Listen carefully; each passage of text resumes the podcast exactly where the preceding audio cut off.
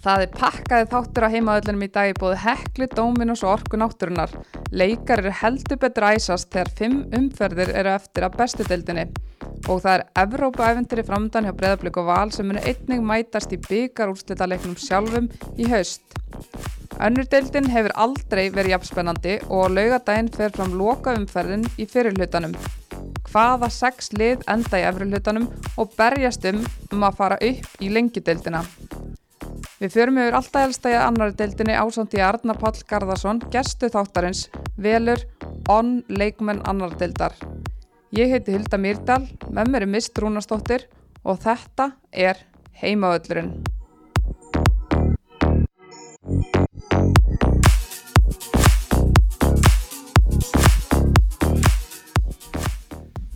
Velkomin til okkar, Arna Páll, hvað segiru?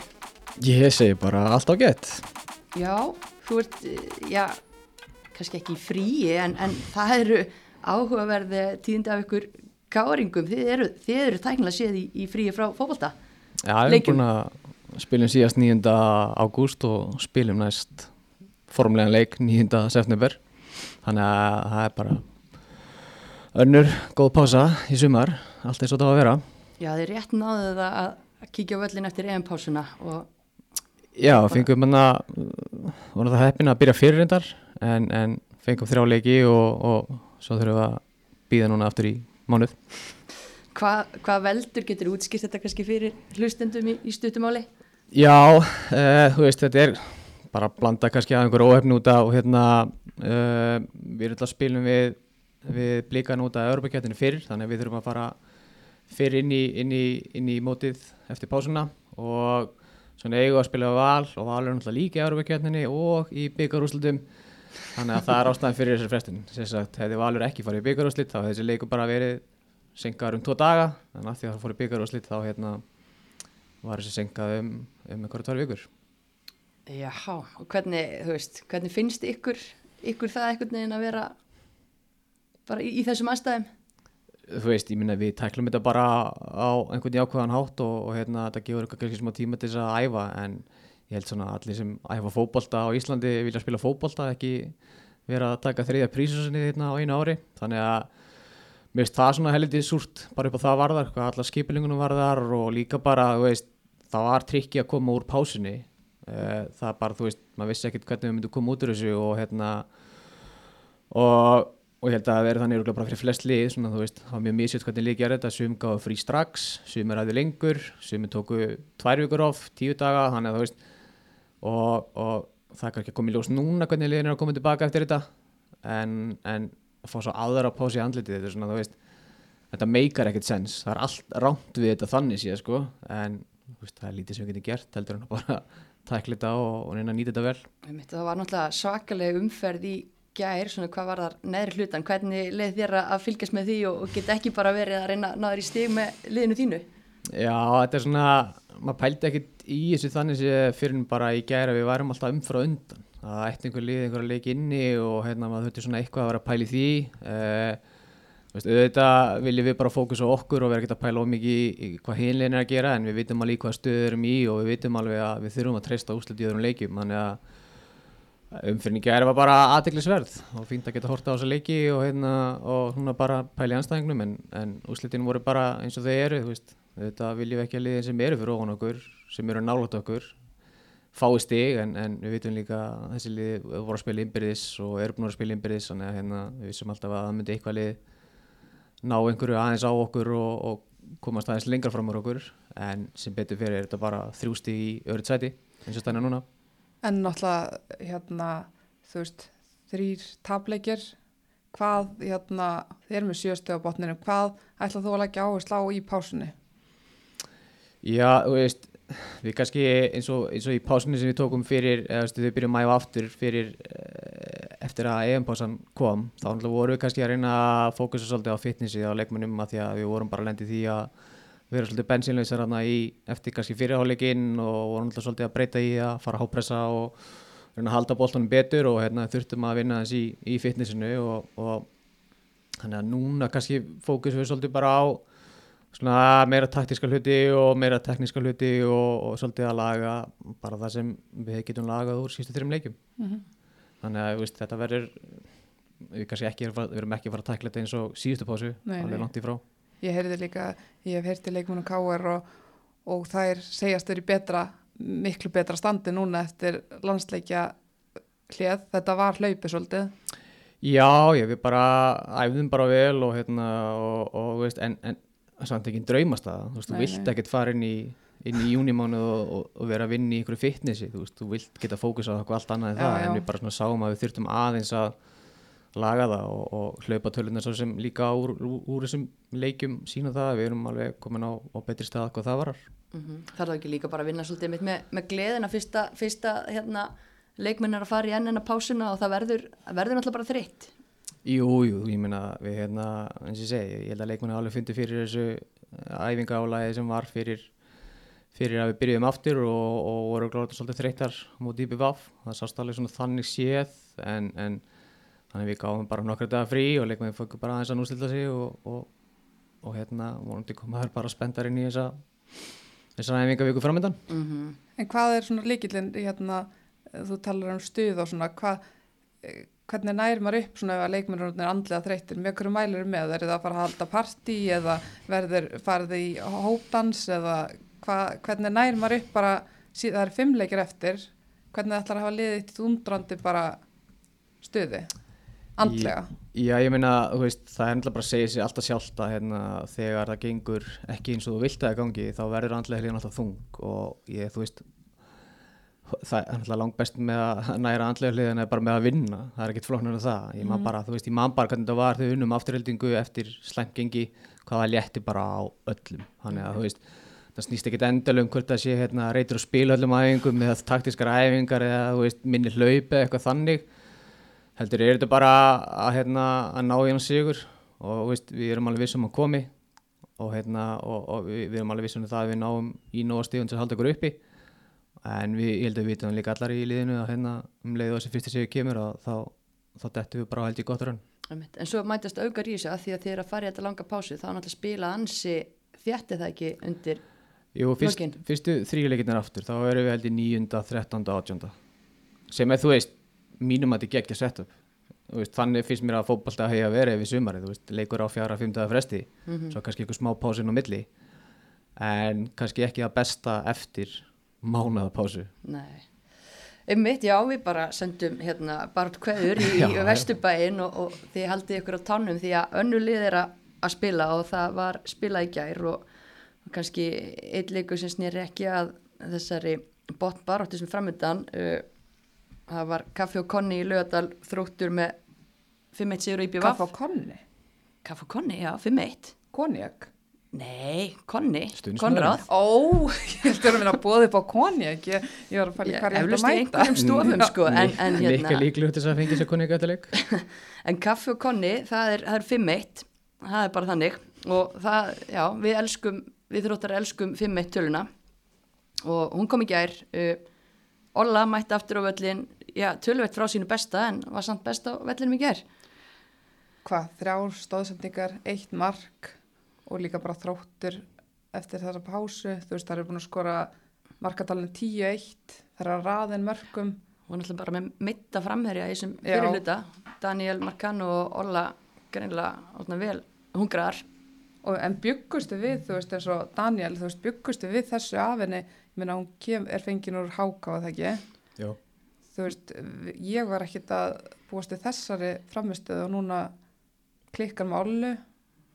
Mér fannst, mér fannst við bara sjá það strax í fyrsta leiki í efstudelt í vor að hún var tilbúin í þetta skref af því að við vorum alveg með kannski ákveðnar efasemtir einmitt fyrir mót. fyrir mót og eftir síðasta tímabil en, en mér finnst að hafa verið bara kýr skýrt og, og þróttar að söknuð hennar, hennar mikið á þeim tíma sem hún var frá þennan, annar fyrir EM-pásu Mm En þú talaður um allu, ég sá nú bara Twitter í ger hérna Guðmundur, hérna á fótbolti.net þar að sagði bara að það, Þorstein hefði verið að horfa landslistjálfari og, og hérna hvort að hún er ekkit langt í það að hún fóði kallið, sagði hann. Hvað, Ég ætlum bara að byrja að henda ammælskauja á gumma við hérna Arnar Páll vorum í ammæluna sérna frammi mjög, voru að gera vel við sér strákanir og til það mikið gummi. En uh, ég held að veist, Olla álangt í land hvað var það að komast aftur í, í fyrra form.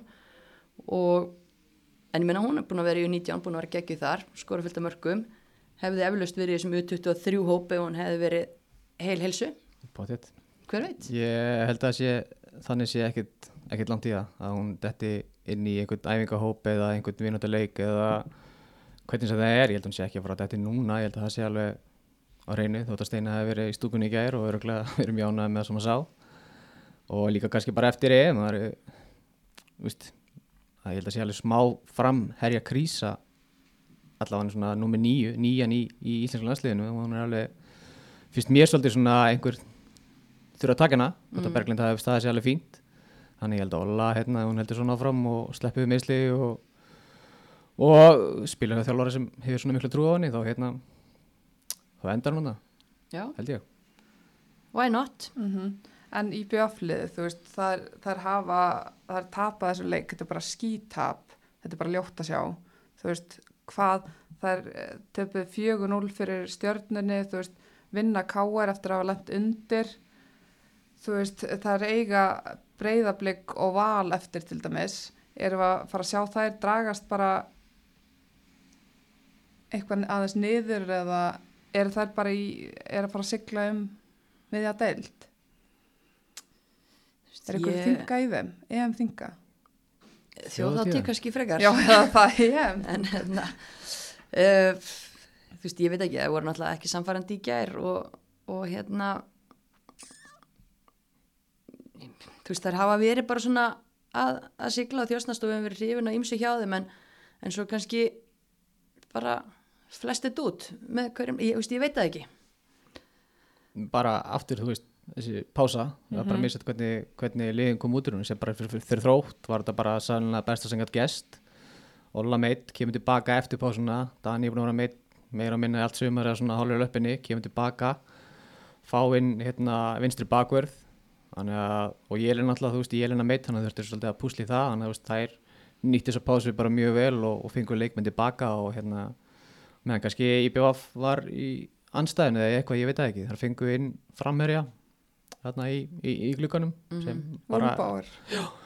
sem mun bara taka smá tíma örugglega að að koma sér inn í þetta. Hún lúka allavega hana, hefur lúkað ágætlega í þessum leikim en hérna bara einmitt, þetta er þetta er óvinnulegt að fara í ykkur svona pásu og hérna fyrir okkur þjálfarana er þetta líka óvinnulegt, þú veist, hvernig á að díla við þetta og það verður bara hvernig lið hvernig liðin díla við þetta. Getur ekki Nick sent bara, getur ekki byrjað að selja prógrami sitt, hvaða, hvaða prógram hann var að vinna með í þessari pásu? Ég hef allavega aldrei séð lið koma svona, hann fótt í Slóaníu já, og hann fekk leikmunum meðslum þetta er eitthvað dýbra, dýbri Já, uppskrift. þetta er stutta útgáfan sem hann ekki með að selja, hann er ekki að fara að selja henni lindamál. Nei, svo er það bara, er það bara þannig að, að fyrir, fyrir lið sem búið að standa sem bara fínt í sumar þú veist, þar, uh, uh, að fá inn tvo leikmenn sem þú veist að er að fara að styrkja liðið og þú, svo ertu líka með unga leikmenn eins og köllu sem er alltaf að bæta svo milli leikja. Þannig að, þannig að hérna, þróttu var alltaf að fara að græða mjög mikið á þessari pásu fyrst að koma allar heilur út úr þessu og hérna og, og, og fá þess að tvær inn og ég held að Freyja þessum líka verið að glíma við eitthvað líka og hún kemur inn á ekki og skorar. Þannig að þú veist, ert með þrjá frammerja, þú spila með tvo frammerja einhvern einasta leik og það er allar að skora. Og hérna að vera með góða frammerja í þessa deild er bara gulds í gildi. Mm Hrósa á, á sæinu Björns líka kom, tók stöðunar álfildar sem mittist við miður illa eftir hérna, já, línulausa leikin í, gegn Selfossi á dögunum og hérna, veist, sæjun eiga sinn besta leik líklega í þróttartröðinni þannig Mjög góð, smá sjátt á hana. Stórt sjátt já, smá, risa smá, risastórt. Og bata hverðir á Alfetur Rósru. já, klálega, ótrúlega ótrúlega fúlta einhvern veginn fyrirliðin njaskist svona úr, úr leik. En hérna að fara að Selfoss? Já, let's go. förum á Selfoss uh, þar ge- gerðust já, bæði hlutir eftir bók og ekki eftir bók. Eftir bók Þór Ká að færa sem mark snemma en alls ekki eftir bó- bók Selfoss skorar fótboltamark. Já, byggði 489 mínútur að ég held eftir því. Þetta, þetta er þetta var orðið löng. lengbið og þú veist, þegar ég er að skora eh, hvað, er þetta rétt reiknað eitt mark í leik að meðaltali? Það er bara það segir sjálft að það er svolítið lítið. Mm og þú veist það skora til dæmis sjömörk í leikjunum á móti káur afturheldingu þá er einhvern veginn bara sex mörk í hinnum 11 og það er bara ég þarf já. ekki að vera búin með starffræðigráðu til að reikna. Það er bara erfitt að vinna fótballtaleiki þannig. En er að verjast vel og gerðu það í gær, halda markinu hreinu. Já, og náttúrulega bara Brenna sem er eitt besti sendirinn í þessari dild að að mínu mati, hún kemst á blað. Reyndar skil ég vel að norðan fólk hafa verið pyrra því að það voru eiginlega tvær líklega rángstöður í uppspilinu á þessu fyrra marki. Allavega hana, já, kom hann að fyrsta sending inn fyrir það var pjúra rángstöð og svo alveg stórt spurningumarki, maður þetta skoða það eins betur. En ef að Brenna hefði ekki komið honum skoplað honum inn fyrir, hefði hann farið inn? Ég veit það ekki. Nei. það. Ég veit ekki, allavega hana, þú veist, það var, já, það var mikið léttir þarna fyrir, fyrir selfisinga og, og svona leðilegt fyrir Þórká að það er batamerki á þeirra leik en Mhm. síðan bara skrýmir frá henni Susanne Joy Friedrichs sem að klára þetta. Mm og mjög vel gert svo sem þegar maður sér þetta mark þetta er frábært spil hjá þú veist uh, Selfoss en síðan horfumar á þetta þú veist sendingin sem kemur á hana er bara milli bakvarðar og miðvarðar og þú veist mér langaði að segja bara stórkvæmslegt mark en líka bara varnarleikurinn hjá Þór Káa þú veist þú átt ekki að sjá þessa sendingu koma þarna þá hún klári þetta Mm ótrúlega vel og þetta, þær ger allt rétt en það er lit út eins og keilur keilur sem voru ekki eins og rétt stilt upp þannig að sem þjálfari þú veist ámar að hrósa uh, selfisingu fyrir hvað þetta var stórkostlegt uppspil eða myndur bara varnamenninir Rósa fyrir skotið, já, já, já sko, skotið var geggjað en þú veist bara svona bæði og ég held að svona allavega fyrir okkur þjálfara þegar við fáum á okkur mörg þá svona, þú veist, þá, þá gerist alltaf eitthvað einhver staðar, það er einhver mistöku einhver staðar og hérna,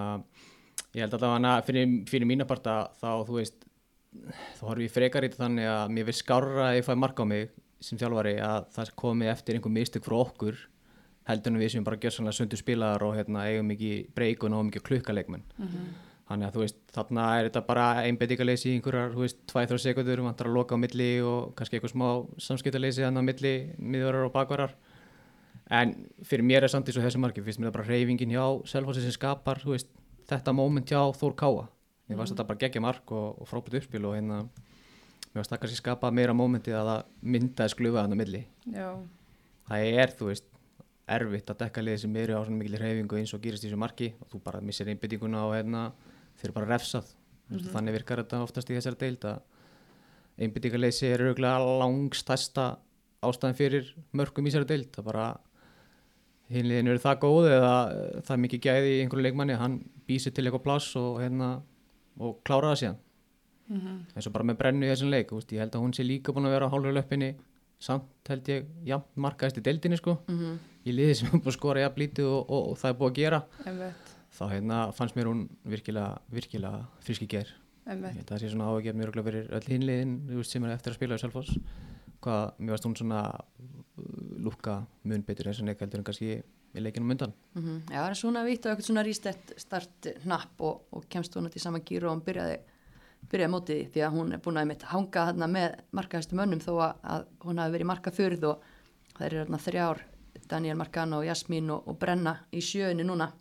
Já, þetta er svona leikmenn Jasmín og, og, hérna og Brenna sem er búin að vera svolítið lengi með 6 eða 7 mörg sko.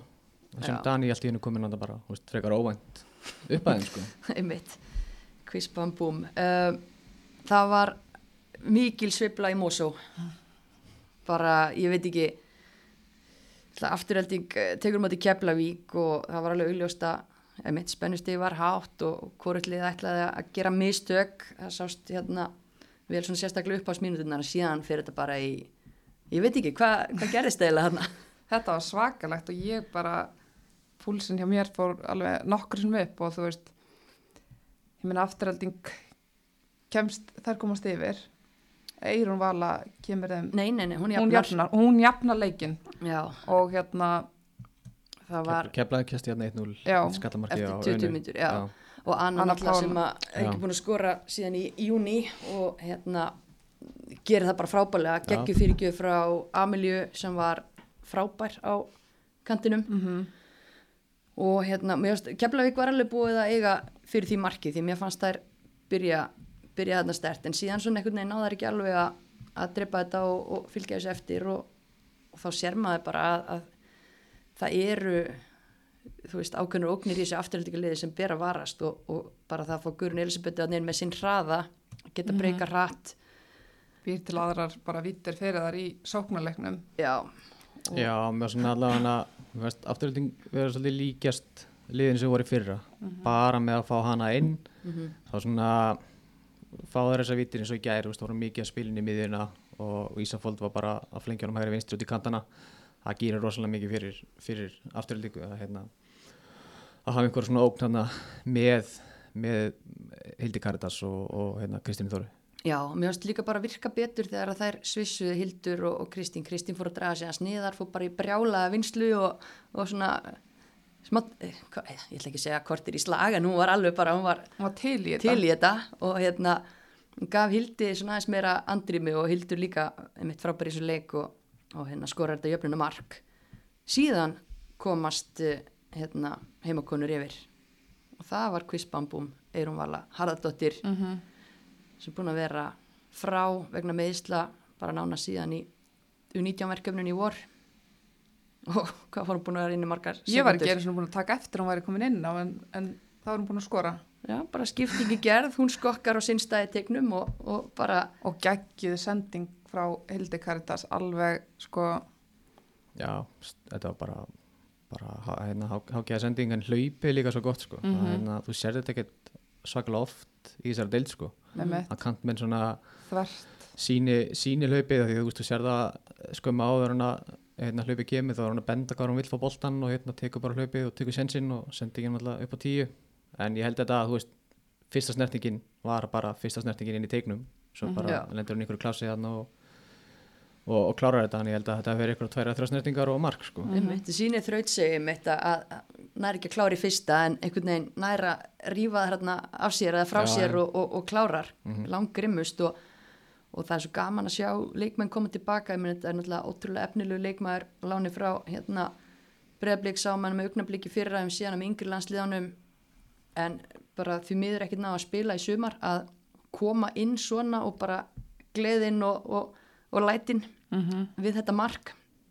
Það er gaman, en Adam var ekki lengi í paradís því að nokkur myndu síðar þá fá keflvíkingar viti og hendi. hendi viti ekki nokkuð leið að sjá þetta en ég, hann hérna Gunnar, eh, Guðmundur segi ég Guðmundur Páll gaf sér tíma til að hver er þetta sem flautar? Það er aðstofadómarinn sem að sko hann, já, hann fær skilabú greinlega eira því að Já. hann tekur sér smá tíma til að melta þetta en það er líka bara eðlegt, ég meina aðstofdómari tvö ætti vantalega að hafa verið í Já, hann hlýtur að, hann hlýtur að senda hann um einhver skilabóð sko að segja eitthvað við hann, ég trúi ekki öru því að sjónvarpi sýrir rauninni bara bolt að lenda á milli manna og hendi svona ekki alveg í náttúrulegri stöðu.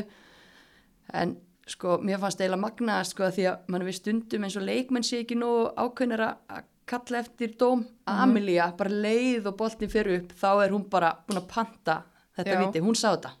Og ég vil sjá meira af þessu, maður hefur oft séð þetta í þú veist bara mikið að leikmennum í deildinu sem að vantar bara þetta í að vera, þú sér það bara að það hefur áhrif þegar þú ert bara viss um þetta. Þegar þú nærð bara í boltan, þú veist það er hotspillna þó það sé ekki nálægt í skilur þá bara dómarinn er til í það. Þú veist þannig að bara vera frekar á þetta en ég, þú veist eh, þjálfari afturöldingar alli, Hann átti hann líka. Alveg hérna en hann var ósáttu við hvað um eitt fólk var að, að byggja um þetta mikið en mér finnst að þetta bara meika sens að þú vilt vítu og það er hendi þá bara Já, þetta tók líka smá tíma, þau hefðu kannski ekki þurft að byggja með þetta hann hefði flautaði strax, en mér finnst bara flott þegar að dómarar halda aðeins rósinni, bara hann sér það sem hann sér, býr eftir skilabóð meira, eru við sammála sá eða sama, tekur ákvörunna. Þú veist, sumir vilja meina kannski að það sé ykkur veikleiki eða, eða hík, en það þarf ekkit enn til að lesa það þannig. við erum bara réttan dóm Já, og ég held að þetta hafi verið rétt. Anitur Lind Danielsdóttir var samt alveg sama, hún var með fyrirlega bandi í gær, Kristrún Ír mitt og hún bara ískald já, lagðan mm -hmm. og hérna, já, og þá fannst mér svona aftur uh, gestirni násaldið að að snúa þessu en, en hérna svo ótrúlega skemmtilegt þetta sígu mark þeirra. Aftur Amelia viðriðin öll þessi mörg mm frábærleikur í henni. Flikka boltanum yfir á annan leikmann sem átti geggjaðan leiki gær dröfn einastóttir var í yfirvinna hana hæri, hæri bakur og hæri kantur bara you name it uh, og hún klára frábærlega. Og hérna og þú veist Rísastig fyrir Keflavík. já, Þetta bara, uh, stíðin verði ekki starri. En, einmitt. Hva- já. Nei, maður horfir hérna, Arnar náttúrulega, þú ert að horfa á þetta og, og áttir ekki möguleika að sækja henni einn stíð í gær og, og hvað hérna, þú veist, hvað hefði verið drauma úslit fyrir þig? Ég raun og veru bara skiptið að yngum máli hvað þennan leik varðar sko. Þannig að þú veist þetta er alltaf þýtt að eitthvað liði var að fara einmitt, veist, setja eh, fjarlægast okkur eitthvað aðeins. Þannig að þú veist, það er, ég hugsaði alveg út í þetta og pældi eitthvað í þessu en, en á endanum skiptið það svo sem yngum máli. Ég meina við erum ennþá bara þreim stigum frá örgusæti og hérna og við eftir að spila við bæði liðin til dæmis sem er rannu frá hún okkur, rétt frá hún okkur, þannig að þú veist það ég raun og veru breytti held ég óalega litlu fyrir okkur sko, þú veist, við bara tókum þessu úslutum og hérna en það er náttúrulega bara undir okkur komið að, að nýta okkur að liðin frá hún okkur séu bara nált okkur sko. En breytir þetta samt ekki einhverju núna þegar maður kíkir á þetta, þú veist, afturhelding á eins og breyðablík val og stjörnun eftir. Þetta er ekkit grín prógram, þú veist, meðan kannski Keflavík er búin með, er ekki búin með breyðablík og val, þú veist, þannig að þetta er erfiðar leiki sem afturhelding á. Lítur þetta öðruvísi út fyrir það núna? Nei, nei, ég meina, þú veist, þú voru líka, þú veist, það máli horfið þetta líka þannig að hérna, uh, keflaði ekki núna komið hvað, 13 stiga ekki, mm Mhm. Þór Káa er með 10, þetta eru liðið sem keflaði ekki vinnur breyðablík, Mhm, þú veist, það er ástæð fyrir að komið 13 stig, Þór Káa er með 10 stig að því unnu val, mhm. þannig hérna, það er, þú veist, það er svo vond að ætla, ætla að fara að hugsa út í, þú veist, jú, ok, þetta er leikur sem valur á að vinna eða, eða breyðablík á að vinna eða hvernig sem það er að því, þú veist, hlutinni gerast í hafa ótrúlega hátt og hérna, en auðvitað skiljur vonum við bara að við klárum okkar og, og úslitin falla ekki með heilulegunum, það er bara, það er ekkert flóknir það. Nei. Þetta var alltaf, já, mér stuði að þetta var mjög spennandi að, að fylgjast með og vera að horfa á stöð, stöðtöflunu uppfærast eftir hvernig, hvernig staðan var og gefur bara góð fyrir heitt fyrir. Og crazy. Já, síðust umferðir. Og þetta er líka eins og þú veist ég er að segja núna þó að hef mitt afturöldinga í þessi lið eftir þú veist þá hefur við séð á það í þessari deild það er bara að það geta öll liðin, það geta allir unnið alla. Þannig að það er ekkit eins og fyrir einhverjum árum að það sé bara að raða úslitanum upp Nei og, og bara stígandi líka í, veist, afturöldingu að mér finnst, sama með KR, sama með Þór Káa þó að það sé ekki að ná úslitunum ennþá. Og svo fannst mér keflavíkuliði búið að vera kannski ákveðni deyð en með þessum sigri þá er náttúrulega þvílík innspýting þar þannig að þetta, mér finnst þetta galopið. Og þetta eru, já, sex stig á milli sjönda og tíunda. er ekki rétt sem verið að Þór Káa vann síðast leik fyrsta júni það er svolítið langt síðan Getur verið, já. Ég ætlaði nú ekki að enda þessu þetta er, þetta er mjög spennandi og þetta er, það er allt galopið bara já, já. er eitthvað lið sem er búið þú veist eins og hérna Selfoss er þetta bara Keflavík Þórká afturhelding K er þarna eða er Selfoss Ég held að Selfoss hafi ákveðið gæra, ætla ekki að taka þátt í þessu segja búðum það. nei, En hvað veit maður? Hvað, hvað er í átján? Nei, já, átján átján. Nei, nei. En hérna, já, ástæðan fyrir því að, að þið fá ekki spila leiki eru að breyðablík og, og valur er í meistaradildinni og, og það er náttúrulega, já, voru undanúsleita leikir í byggar líka fyrir helgi og bara kannski old news en svona kannski vonbyrja að hjá stjórnunni í, í Garðabæ á móti val, það var ég ætla aldrei að segja að það sé auðvelt að vinna fótballtaleik en valskonur hafa þurft að hafa meira fyrir hlutunum og, og bara solid sigur þar. Vonbreiðaleikur ég, já, já, ég var hérna búin að poppa á svona en þetta var bara gerði út um þetta í fyrirháleik 3-0 í fyrirháleik og ég vildi ekki sjá það, ekki svona stórt. En maður vildi fá leik, meiri leik. Föstaskvöld og hann var seint þessi leikur þú veist, það var bara einmitt poppi klárt þannig að þetta var Já, þetta var vombrið fyrir fótbolta áhrandan en mm valskonu bara sína sín hrikalegu gæði og bara það sem að tikka ekki nú vel hjá með dildarleiknum tveim vikum áður þær eru bara búin að lagfæra það allt saman Já, mér varst fyrirháleikurinn var alls bara eitthvað best að ég sé að val í sumar sko.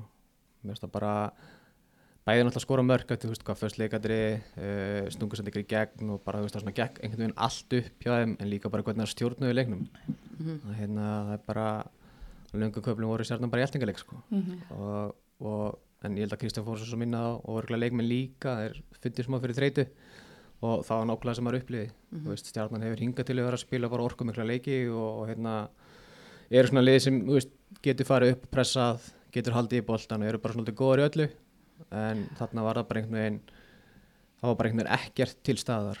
Veist, setna hálfleikurinn var bara svolítið svona veist, ég held að einhver starf í hausnum hefði alveg verið að hugsa um mistradeildina og leikina framöndan og allt bara, allt álægi sem er það og þannig var setni hálfleikurinn bara svolítið bara merkjum þess sko. Mm Já, einmitt. Skemmtilega leikur degi síðar á Selfossi. Mm en Breiðablík vinnur 2-0 Agla Marja skora mark. Mm Helen Ósk frábært mark Já, og það gaman kannski þeim leika það var að leikur mjög lengi að því að sigurmarki, eða sigur, sigurmarki kemur mjög seint í, í leiknum. Þannig að, að það var svona, svona byggar kýtli í malakút allan tíman þegar maður horfði.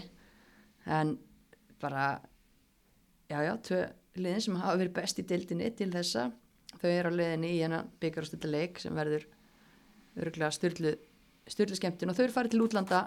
Það er meistaradeild á morgun hjá þeim Valur að mæta armensku meisturnum FC Hayasa. Hulda, segð okkur allt frá þeim.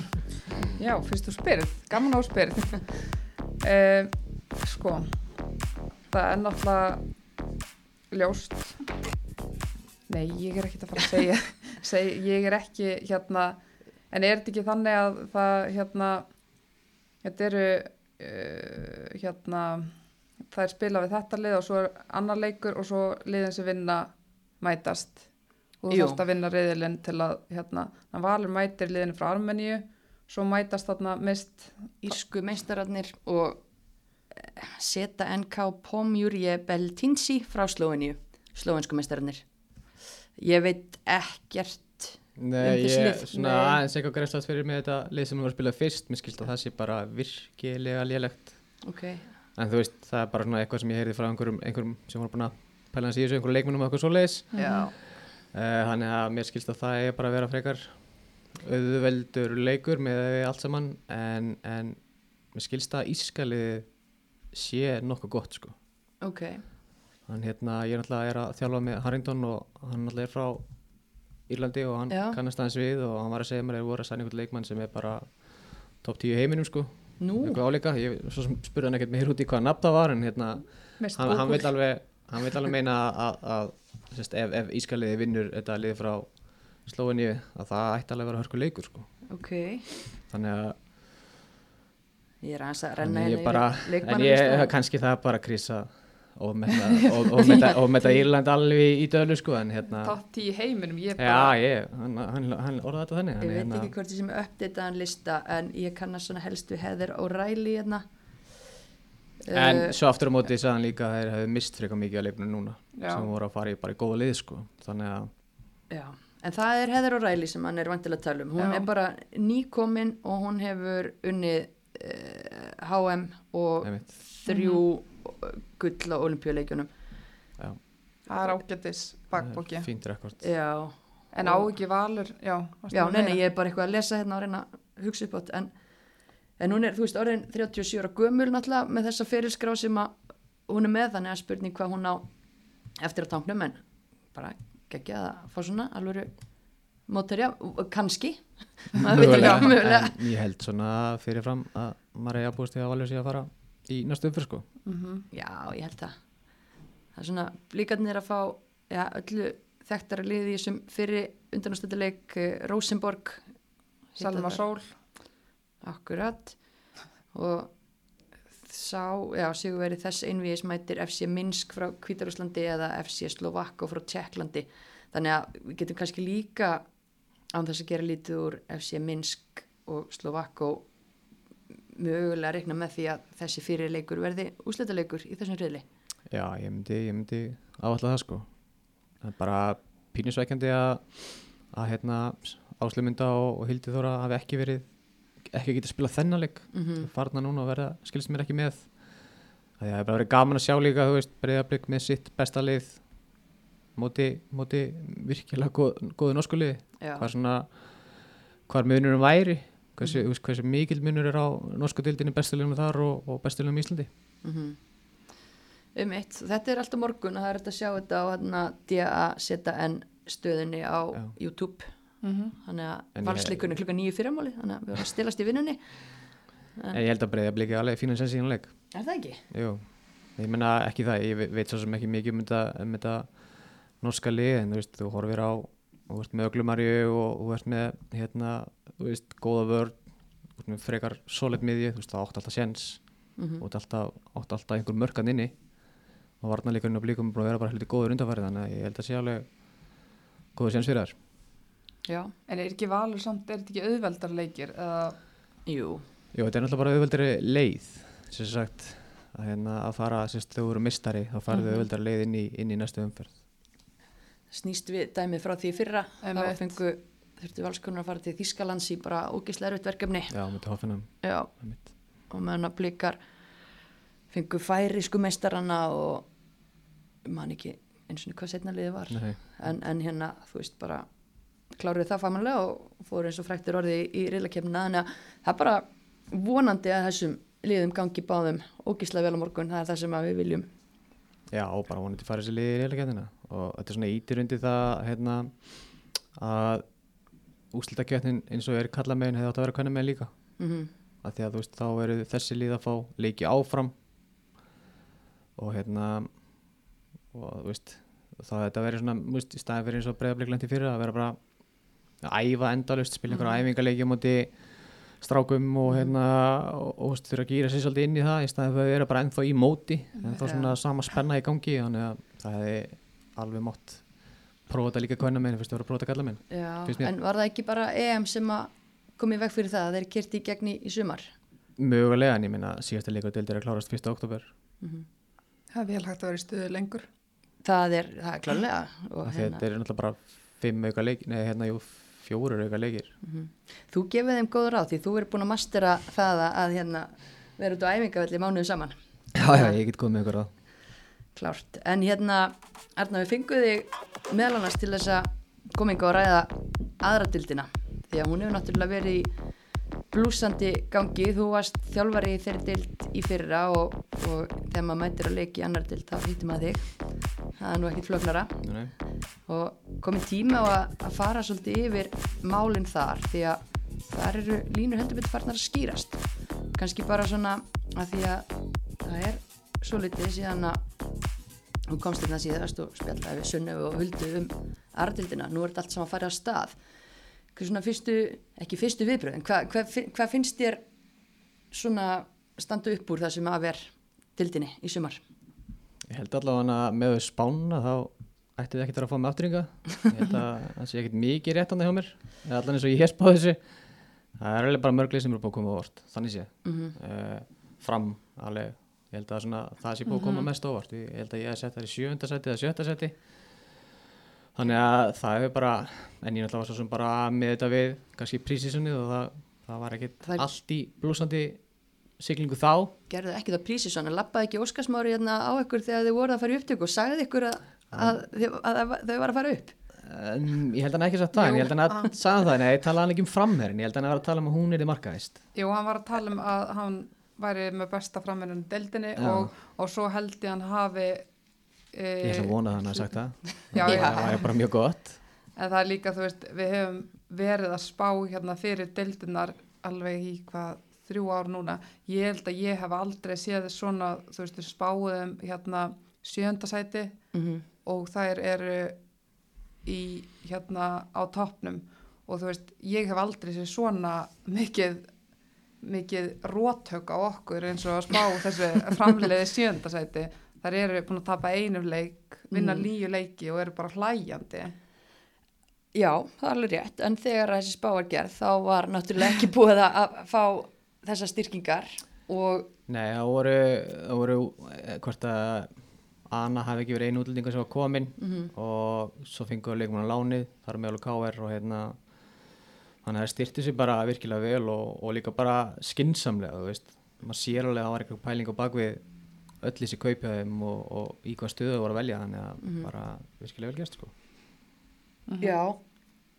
Er þetta ekki eina svona Jú, öskrandi Í er kannski líka. Jú, Ég ég er myndi alveg setja í er á hennan lista hérna, að það sé svolítið svona koma allan að mér ávart mm hvar voru þær í loka, það voru sjötta í lokaspáni. Já, já, Já, voru ekki með bara fram á í er hérna hlið við hlið jú. jú, það ekki. En það er náttúrulega, þú veist, þegar við kannski end, endum á því að það er hérna eitt leikur eftir til að sjá hvaða lið fara í hérna efri hlutan og neðri hlutan en þú veist, við spáum einmitt þessu framliði. Það er séðast við erum besta markmann og besta framherrin í deildinni. Er þetta bara uppskrift þá, þá fer þetta svona? Ég meina, ef þú lítur á, á töppinu hjá, hjá fram þá hérna, og sér skilur mörg skorið og mörg fengin þá hérna þá allavega með markmannun að gera og, og vörðin að gera, það var alveg klárt mála hérna, að það hefur því líka áhrif en aftur á móti þá náttúrulega eru þau búin að skora held ég, held séu sjötta seti deildinni hvað var að skora mörg mm -hmm. þannig að og held að hún sem er tíu af, af hérna, Einmitt. 26 sko þannig að jú, þú veist, mæði mikið á henni. Ágætis, ágætis uppskrift. Ég heyrði frá, þú veist, búin að vera að spjalla svolítið við þjálfari í dildinni að það var talað um svona, þú veist, að það var alltaf ógislega erfitt að mæta fram en það var ekki, þú veist, tilfinningin að þú værir að fara endilega að fá okkur skell af því að það spila bara ekki þannig fótbolta. Á meðan að þú ert að mæta kannski hápressu gróttuliði þá ertu hrættur um að, að, mm. hrættur um að vera bara mögulega lendundi valtaranum eða hann er ekki að matsa tempóið. Já, þú sér bara í raun og veru í þessum leikjum, þú veist, þú skoða kannski leikinu sem grótta vinnur versus leikinu sem framvinnur á móti sömu liðum. Þá er grótta skora miklu meira á móti sem liðum því að þau bara, einmitt. bara kannski kaffar anstæðingin og hérna eru bara að fá fullt af færum með að vinna boltan og óla vellinum og, og með framhefur kannski verið aðeins öðruvísi allan að því leikjum sem ég séð. Svona aðeins virka á mig eins og þessi miklu meira að pæla í anstæðingnum hvernig hann spilar, leggja svolítið leikinu upp eftir því, en maður, ef maður horfir kannski aðeins í leikinu sem ég sé allavega og líka þar er að ná, ef þú heldur markinu þínu hreinu þá þarft ekki að skora nema 1-2 mörg og það er líka sigurarnir þeir eru að koma þannig, það er 1-2-0 og þú veist, þeir eru bara að setja í lás. Mm Já, algjörlega. Og, en það má líka bara hrósa þú veist ekki bara liðinu og leikmönnum af því að það er bara umgjörðin að upp frá er bara mjög fín og bara betri hún henni verið nokkuð tíman áður. Það er bara rosa mikið stemning bæði stjórn og, og bara fólk er að mæta hans á völlin og bara vel haldið utan um liðið. Má hrósa þú veist eins og kvennaraðinu, Kolbrún, Auður og svo Tokka sem er endalust að taka myndir og allt í öll, öllu þarna til þess að bara gera þetta stærra konsept og svo er náttúrulega líka er ekki sjálfgefa að vera með hvað, þeir eru tvö aðalþjálfarar, þeir eru markmannstjálfarar, með styrtaþjálfara og þú veist það er alveg alveg púður í annar delta verkefni þannig að ótrúlega vel gert. hrós á, á framara þar. mm Já, bara klálega, þetta byrjaði svo svolítið, svolítið í fyrra. Ég meina það er náttúrulega voru bara mjög náttúrulega að fara upp í, í fyrra og, og voru með virkilega góð útlendinga og hérna, eitt af svona betur spilandi liðum dildin í fyrra. Mm þannig að þú veist, það bara er væntalega framhald af því og maður, maður með svona samtölun þessi maður tala um Óskar og okkur svo leiðis að þú veist, það á að fara upp og það á að vera metnaðt að gera vel ég maður sé bara kalla liði hvað, hvað þeir eru í dag. Mhm. ég held að sé ekkert minni metnaður endilega hvernig mig, ég held að sé bara mikil metnaður hjá félaginu. Já, einmitt. En hérna uh, liðið öðru seti er velsungur við Mhm. spáðum þeim þriðasetti ég held að við hérna, fengi jafnmörg stig og hérna íja hjá okkur en þriðasettið var það. Þær hafa ekki eina liði sem að hefur ekki tapað leik. Mm en eiga tappliðið eftir fram það verður styrla. mm þetta er svakalegu leikur. Eða fyrir mig leikin eftir? Já, já, ok. en hérna eh, aðtiklisvert maður skoða þetta völsungslið að þú veist, þetta eru mest bara 16-17 ára stelpur og svo er Harpa Áske sem að ég kallaði nú eftir því hérna í, vor að taka fram skona, hún er búin að spila alla leikina. Mm það, er, það er algjör, algjör lúksus að hafa, hafa þann mikla þarna til þess að leiðsegja unguleikmannum ekki það Sara El Nikki er líka þannig náttúrulega fætt 82 já, þetta sé ekki elst í dildinni það hlýtur bara Hvað ár er Lilja fætt? Já, sama ár, já. Já, það er Spilum eiga hverju þetta. fyrir árinu, já. En allavega, þú veist, að, að vera með þessa kempur hérna sem eru kunna þetta allt saman inn og út með öllum þessum efni við sterkur, hérna, láns, lánsfengur frá Þórkáa og erlendi leikmenn sem að er að koma vel inn í þetta. Mm og flott þjálfartimi, þetta er bara Einmitt. fínasta uppskrift. Já, ég hérna eins og segi, útlendingarnir eru allir þú veist, 20 og eitthvað ára gamlir og með einhverja reynslu.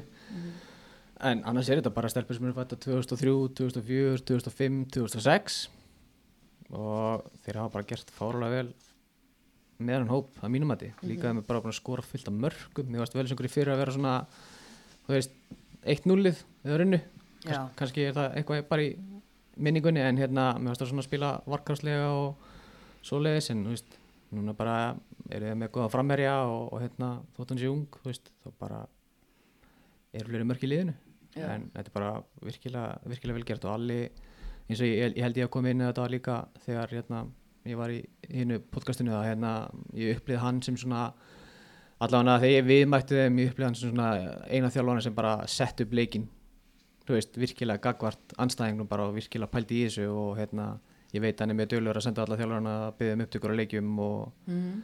hann er svona, ég held að þetta sé engi tilhjulum sko. Svona að All, all in. Já, basically En líka, þú veist, ef maður horfir yfir hópin þá eh, ég myndi, ef ég horfa á hópin og svo hópin í hinum liðanum, ekkit endilega halda þetta lið emitt væri öðru sæti núna miða við, þú veist, það eru með leikmennana Sonja Björg 2006 sem eru skora áttamörk, þú veist, þetta eru bara alveg greinlega að gera svakalega vel að setja upp þessa leikjum og sér bara, mér finnst þetta sína mér hvað það getur skilað að vera með líka bara svona mikið magna ungum stelpum sem eru bara að blómstra. Mm Algjörlega og bara klókt að sækja til dæmis eins og Sonju á lán, þannig að leikmaður sem að hérna, hefði ekki fengið nýjuna hjá Þór Káa í efstu deild en er gjörsanlega að blómstra þarna í næsta, næsta Já, bara velgerst hjá Þór Káa að, hérna, að þú veist taka sensin á þessu af því að Þór Káa hefur svolítið verið svona yfirlýsaklegar í þriðja flokki svona undanfæran árum að ætla að vera mistarar og eitthvað svona dæmi. Og eru reyndar góður leið með það núna held ég. En, hérna, en þú veist að lána svona unga stelpu og hérna uh, og þú veist hún er búin að ég spilaði svo sem mótin hérna í Íslandsmótinu í þriðja flokki og hún fór heldur dýla með mig þannig að hérna, tók því fagnandi að hún bara farið eitthvað en það er bara virkilega góð leikmaður. Já, já, algjörlega og það eru fleiri þarna unamóður og, og Amelia og já, bara nú, það verður að samnýta hérna mannablan fyrir norðan. Já, þetta er bara, ég minna Þór Káa er alltaf með opaslega sterkan þriðaflokk eftir þetta samanist að núr fjórða sko og, og hafa búið til bara fullt fullt algjörlega, hvað hérna þriðasettið? Já, núverandi eða, Nei, er núverandi er gróta þar eru með 23 stig og við spáðum þeim fyrsta setinu það var bara allstaraflaði voru þær í fyrsta setinu nei, ég setti Ölsungi fyrsta seti Nú, Hulda, þetta er þetta er ekki, ég hef hérna krótaði yfir það bara. Já, já, gemt en ekki glemt en þú, þær eru hérna í þriða sæti eins og er og hafa skorað langmestamörkum í deildinu eins og þú varst að segja bara spila þannig fótbolta Mhm. uh, og er að vinna leiki mjög stórt.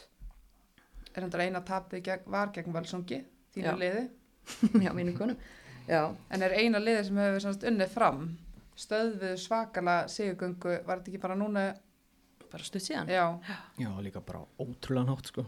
Og tapa 2-0 hefur hvað, hvort er eftir? mm já, Sko við á 93 minúti eða hvað líka, sigumarki. já það er karakter Já, líka bara, þú veist, uh, ólíkt kannski hinuleganum eins og bara fram, þar er ein manneski með 10 mörg, samt bara búin að skora 26, það er búin að skora 41, ég held að markaðast að manneski sem er 7 sko. mm að og það nokkra bara- með sex mörg Já, þú veist, það eru bara allar að, að, að skora í þessu liði nánast sko. já, En það spilaði líka bara mjög sóttunar fótbolta og, og, og fara hátt upp á völlin og hérna, taka mikið að sjensum. mm Þá er bara eðlilegt að það eru góðar í að, að það skori mikið á mörgum. hversu góðar eru útlendingarnir Ariel Lewis og það er náttúrulega með Markmann, Kæla Thompson hversu góðar eru þær Sko, enn og aftur, þetta podcasti sem við tókum síðast, þá sagði Mhm. Sverri Mára að það er besta leikmann í dildinni. uh þú veist, sjömerk í tíu leikjum hjá liðið sem skorar 41 myndi ég ekki segja að það sé besta leikmann í deildinni þannig að ég held að hún eigi alveg töluvert inni af mörgum ef hún á að lifa undir þessu en, en veist, ég, það sem ég sé hennar virkar hún bara nokkuð góð á mig. En þú veist, hún er ekki svona, ef þú tekur Jessica í, hérna, í fram, hún er svona svolítið svona bara einhver skritir ekki sem bara valtar yfir sko, veist, þetta er svona meiri fótbolta heili, veist, ég, ekki það ég veit ekki hvort hún sé búin að leggja upp eitthvað mikið á mörgum en, en það kemur alls ekki orð og hún var auðvitað með þó nokkur að sýst líka sko. Mm Og varnamæðurinn Lilja Líf var komin í sex mörg þegar þú keftir hana. Já, já. Hvað sást í Lilju? Uh, margt sem ég sé Lilju hérna, ég er svo sem búin að vita af Lilju í, í bara mörg ár bara í gegnum, þú veist, yngri flokkana og, og yngri landsliðin og hérna svo bara leikjum í, í sumar og hérna við varum að fara að missa leikmann hægri bakverð út Mm í, í, í glugganum. Þannig að við hérna okkur fannst hún bara fitta vel inn í, inn í, inn í það hjá okkur og hefur bara staðið sér vel bara opinn að meist þarna á móti móti sjötunni, spila ekki á móti IBF en, en hérna hún hefur bara mikið af flottum eiginleikum. Bara góðu karakter, góðu Mhm. fótbolta. Uh, og er bara, þú veist þurfti að mínum þetta taka þetta stökk. Já, ég myndi að þá er maður maður velta fyrir sig sko að lið sem topplið í annar deild og svo upp í, í bestu deild, þetta er risastökk en, en ættu þjálfarar og ég er ekki að fara að segja þjálfarum að kipa öllum leikmennum úr annar deild en geta þjálfarar í efstu deild hort niður í aðra deild og fundið leikmenn sem að eru tilbúin að spila í deildina bestu Já, ég held það. Ég hérna, auðvitað, e, veist, kannski skrítið fyrir mig að segja að verandi að við sem í fallbaróttu, en, en, veist, mér finnst fullt af leikmennum fætti 2005, 2004 og, veist, 2006 kannski, svona í aðurinnum kannski, bara vera tilbúinir. mm -hmm. Auðvitað bara eins og við vissum alveg með því að taka inn Lilju og svo tókum við líkin Telmi sem er fætt 2005 og við erum með Belli sem er 2006 og hérna auðvitað vitum við að það munum koma mistökja á þessum leikmennum þetta er ungi leikmenn sem er ekki búin að ná stöðuleika í sín leik en, en, en okkur vist mjög gaman að geta gefið þeim tækifæri og, og leita um að sína sig og vonandi skila sér að þetta er náttúrulega ekkit þetta er ekkit bara þetta tímbil, við erum náttúrulega líka að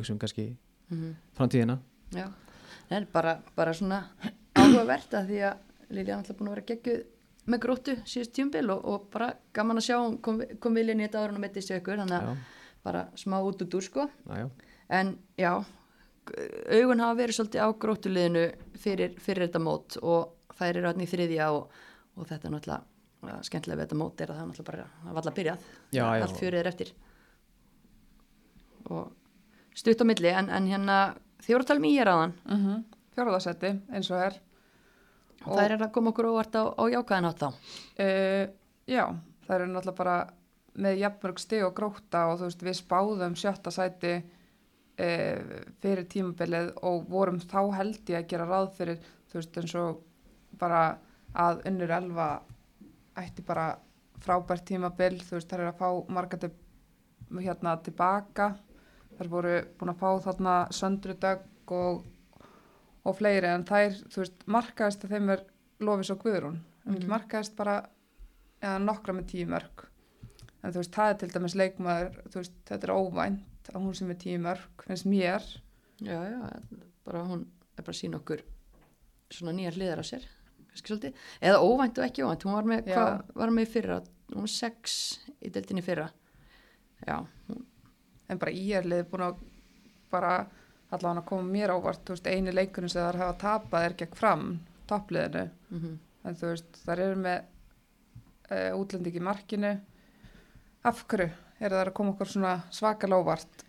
En er þetta eitthvað svakalega óvart, þú veist, var þetta ekki bara lið sem var nálægt þessi fyrra maður vissi alltaf að það væri að fara í hennan efri hluta veist, kannski verður þetta bara alltaf öðruvísi eftir efri hlutan já, það er rétt þar sorry, ég er bara Nei, tökur leiðileg svör hérna. Nei, þetta eru Já, þú veist, mér finnst það bara svona, ég veit það ekki, þetta er kannski bara eins og ég talaði um hérna síðast, þú veist, það er svona, mér finnst að spila mjög einfald á fótbalta, það, það eru mjög vel skipilaðar og það eru tilbúin að berjast í allt og þetta er svona, veist, svolítið fullori lið, þú veist, þetta sé ekki gamall lið, Já, þú veist, það er það er það er ekki, meðalaldurinn er ekki 30 ára, en það er vita held ég bara upp á tíu, þú veist, hvað er eiga að gera í leikjum, hvað er eiga ekki að gera í leikjum, hvað virkar.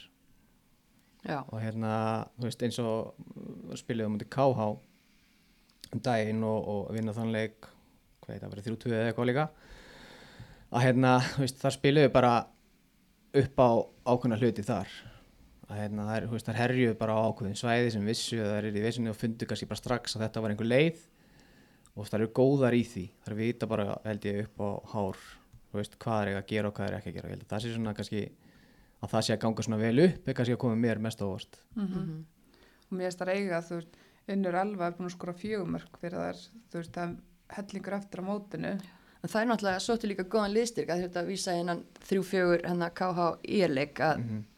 alltaf fengu lánskonu á króknum sem var ekki að fá að spila hjá tindastól, Lara Margrét og hún til dæmis setur tvö þarna í þeimleik og það er líka leikmaður sem eru slatt, slatta mörgum þannig að það geti verið innspýting með unni elfu og, og lofisu setnilutan Já, ég held mér þess að Unnurelva sé meira minna á bekknum sko, sem þessi bara svolítið að koma inn á. Hún Bara alltaf fekk höfumeisli illa. og hérna eru örugglega bara að koma tilbaka. Mm en hérna, en þú veist, ef hún kemst í stand og, og, og er klári í þessu úslutakefni þá, þá hérna voðum vís. Það er mjögulega, já Já, já, Magga Sveins alltaf að komast í betra og betra stand og svo það er hún Sigriður Dröfn vingunakar að fara að rífa sig í gangi markskorun mm komið fjögur. Já, ok, þó það, já, já, ok. Látum það líka mellir hluta en, en já, Berti og, og Þorleifur á góðri lið með íerliðið en næsta lið sem að vann uh, þær slátruðu hamar í gær 11-0, þetta er ljótt að sjá. Það eru Ía, það eru konum með átján stig og hérna uh, við spáðum þriðasætinu fyrir þetta fyrir mótið og hérna þú veist þar eru með brúk í markinu og svo er bara aðtiklisvert að þú veist það, það eru leikmenni sem eru að skora fyrir það, það eru ömmurnar í liðinu Unnur Ír og Bryndis Rún. Og Samíra. Samíra núna? Já, Samíra, næla sér í Samíru. Heyrðu, það var bara kaup. Mm Hvað? ég hefði tekið byttuna Já, já, ég heyrði að það hefði bara verið alveg tölur og, og bara áhugaverð kaup, sko. Já, ég minna talin sem ég heirt er helviti há. Já, þannig að Samir er að fara raðinn, bara, hún getur það. Já, ég held að sem kom með fjögur mörk í þeirrim leikjum eða eitthvað hinga, hinga til. og maður bara sér ekkit að það er ekki oft verið að taka upp uh, stóru og þungu veski sérstaklega, að þú veist, aðalega þá bara vera að sækja leikmenn ellendis frá. Og við erum alltaf búin að eiga Samíru hérna á Íslandi árum saman og hún er, hvað, 30 ekki nema 31 það Nei, ekki er engin aldur Engin aldur. Ég sá þar kallið hann Instagram í gær Granny. Þannig að ég hugsaði mitt hvað ætlum sér gömul? En, en svo þegar talið um kaup núna þá er ég að pæla sko hvort að hérna þetta sé Amma Malla sem hafa keft hann upp á skaga. Náttúrulega Amma mín byrja að aðgræna sig hvort að hún hefði eitthvað styrst þetta? Er hún vel, vel stæð? Eh, hún er bara á eldri eldri, eldri taksta en ég er að pæla í hvort að hún hefði eitthvað vilja að fá pútt í skagalið Ég geti vel, vel trúið því Amma Malla hefur yfir, eða Amma Hulda á höfða på skaga Já. það hefur kannski hérna lagt í púk til að fá Samíru. Já, En þá vil ég líka henda einhverju summu inn á 200 leikja unni ír og Já. hérna bara til hamingi með að brjóta 200 leikja múrin virkilega vel gert sko. Já, en ég held að þú veist, þessi kaup á, á Samíru svo fengu þeir inn annan útlendingi í glugganum og voru náttúrulega bara með, ein- með, markmannin fyrir tíðumbilið Mhm. mhm, hafi líka svolítið sagt um, þú veist, hversu mikið vombrið ég held að þetta tíðumbil sé búið að vera, já, já. Já, ég held að, ég held að það svona íti svolítið undir það að hérna, það er ætlaðu klálega að fara upp en það tóku bara alla leikinu undirbúrstímilum 10-0 eða eitthvað álíka. Já, litu bara virkilega vel út en ég held að það er að toppa svolítið snemma þannig séð og þurftu grunlega að fá eitthvað nýtt inn. Það eru En, átta stigum frá öðru sætinu núna. En hvað er þá planið þú veist eins og maður hérna, þegar keppnin í efri hlutanum byrjar þar halda sínum stigum þú veist, eru hafa þær ennþá trú á þessu. Þar eru núna, veist átta stigum frá einmitt eins og segir velsungi, Sko, en- eru að taka veskið já. og veist. Það, það hljó- hljóta að vera hérna bara bjart sínis pilur í gangi þar og en ég er að hafa já, greinlega trú á þessu en það er líka þannig að, að þegar að þessi efri hluti fer í gang þá fara liðin að reyta frekar stig af hverju öðru. Þú veist, þetta er, þau er að sapna stigum á móti þessum liðin sem er í næri hlutunum núna og það verður ekki búið þegar út í það er kemið og komið. Áttastig það er heill hellingur en það er ekki ógeranlegt ef það er að spýti í. Nei, ég minna og ég held að þú veist, það eru að krossa byttum að loka umfyrir fari á sem bestan veg fyrir þær upp og það getur minka kannski bilið í annarsæti þannig að þannig að hérna ég held að það sé alveg svona tæmilega bjátt sínar annars hefur ekki, ekki farið í, í þetta held ég. Nei, og það er eiga ennþá hérna alltaf skæði hjarta sitt Bryndís Rún, einmitt sem þú kallar ömmu hérna rétt á hann, búin að vera frábær fyrir þær. Og Það er engin aldur á þér, bara, Nei, það er bara með að við liðið, þegar maður, hérna, það eru bara tvær þarna. Eh, núna er- þrjár. Já, ef maður horfir til dæmis á íjarlið, þú veist, það eru fleiri eldri, ég er að reyna að bakka mig upp hérna eitthvað, það, er- það er flottur aldur á þeim og það eru geggjaðar að draga vagnin. Já, og nú bara Samíra byrja vel, það var allavega að marka súpa sem myndi svolítið á undirbúnstímbilið hann í gær. Mhm. uh, og það er bara, já, innspýting. Og mér finnst það ennþá verið inn í þessu, ég ætla ekki að segja að, að ég myndi setja háan stöðul á að, að það ná að, fara upp. En ég set, set alveg eitthvað stöðul á að það ná að kannski móka sér upp um eitt mögulega tvö sæti ef þetta smeltur hjá þeim. En ef það er komast upp, þá fæ ég mér í að treyja Mert Súleman aftan á. Ok, ég ætla að fá mér Haraldsdóttir á mína nummer 200 nummer og eitthvað. 200. En hérna, já, þannig að þær eru hæfilega bjart sína greinilega en hérna í sjötta sæti, eins og er, e, þá er það KH, eru í efri hlutanum eins og er og er hérna, þetta hefur verið svolítið, e, þær voru náttúrulega bara með, þú veist, tíu stig eftir fimm umferðir mm og það var bara voru búin að vinna þrjáleiki, gera eitt jafntöfli en svo gerist eitthvað, það er hérna fyrir leikina múti íhá voru það til dæmis bara með núlstigur fjóruleikjum hvað gerist þarna Það í setni hlutanum? Bara frábær spurning sko, ég held að hérna ég er nú búin að sjá eitthvað, eitthvað að þessum leikjum og veist í flestum þessum leikjum, ég meina ef, ef ég, ef ég svona fyrir aðeins kannski yfir leikin sem ég sé undarfarið, ég meina það er að vinna náttúrulega IH og, og veist, 7-3 sem segir, mér, segir, segir samt ímislegt fyrst mér líka sko. Að, Þrjú. vera að fá þessi þrjú mörg fyrst mér segja svolítið mikið um stöðuna sem ég hafði búið að vera um varnalega og sé bara að er búin að fá þessi 23 mörg Mhm. uh, og stáð á móti Altanissi það eiga náttúrulega bara að vera fjón og lifur í hálfleik. Einmitt, hvað gerðist? Ég fór í hálfleik. Ég held að vera með þetta alveg endur kontról. Uh, bara mistök ég veist eða bara öll mörkin sem, sem maður fá á sig eru svona einhver klufaskapur eða einhver mistök og hérna þannig að já, þú veist, þetta er búið að vera svona eins og ég segi, þú veist, það er eiga að vera að vinna í hálfleikamóti, bara þú veist, frekar stórt á móti hálfleikamóti Altanesi og þú veist, þarna ertu að tala um tvölið sem eru að keppast innbyrðis og það er alltaf bara helviti dýrstig og á móti Ía bara svolítið mjög svipu sá og bara ógeðslega kaplaskiptileikur einhverjum tímput var ká á með yfirhundina, svo kom bara Ía tilbaka svo kom ká aftur.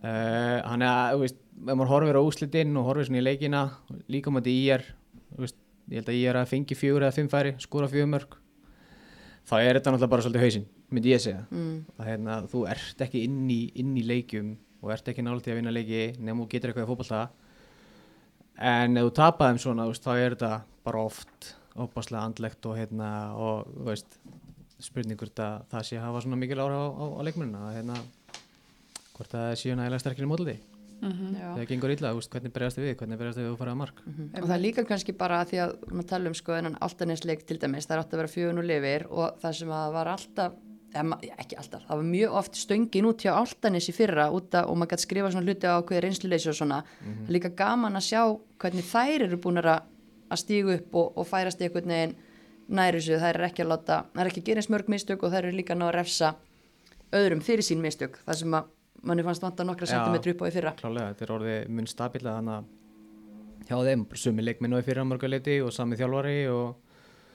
bara svona eðlileg frambróðum myndi ég segja. Mm og þetta er tvö lið sem verður með svipað meðalaldur. Það er bara, Já. það er ekki gamlar bæði KH og hérna Nei, ég, held að og jafnveg stig. Já, jafnlögsti og hérna eini munun er bara markatalan Já, Altanes mínus fjögur, KH níu og svo eru Sindri líka þarna með jafnmjög stig en mínus, já mínus níu. Þannig að það er svolítið áhugavert. Sko að rýna það. Þannig að ég er bara, þú veist Já, mér er svona grunna að þetta spilist svolítið bara inn á, inn á, á hausunum leikmennum Þetta eru mörguleiti margir leikum sem var að spila í fyrra og það gekk, gekk kannski aðeins betur í fyrra. Og þá er auðvöldur að spila betur þegar hérna sjálfstætti er í botni og, og hérna þú hefur trú á þessu. Mm. en já þú veist, þetta eru náttúrulega mikið af mjög efnilegum stelpunum og þar hafa ykkur að vera hérna af með bal og þetta, þú veist, er það bara það er skrítið að vera bara sé svona mikill munur á þessu, er það þreyttar á þessu eða þú veist, nennaðar þessu.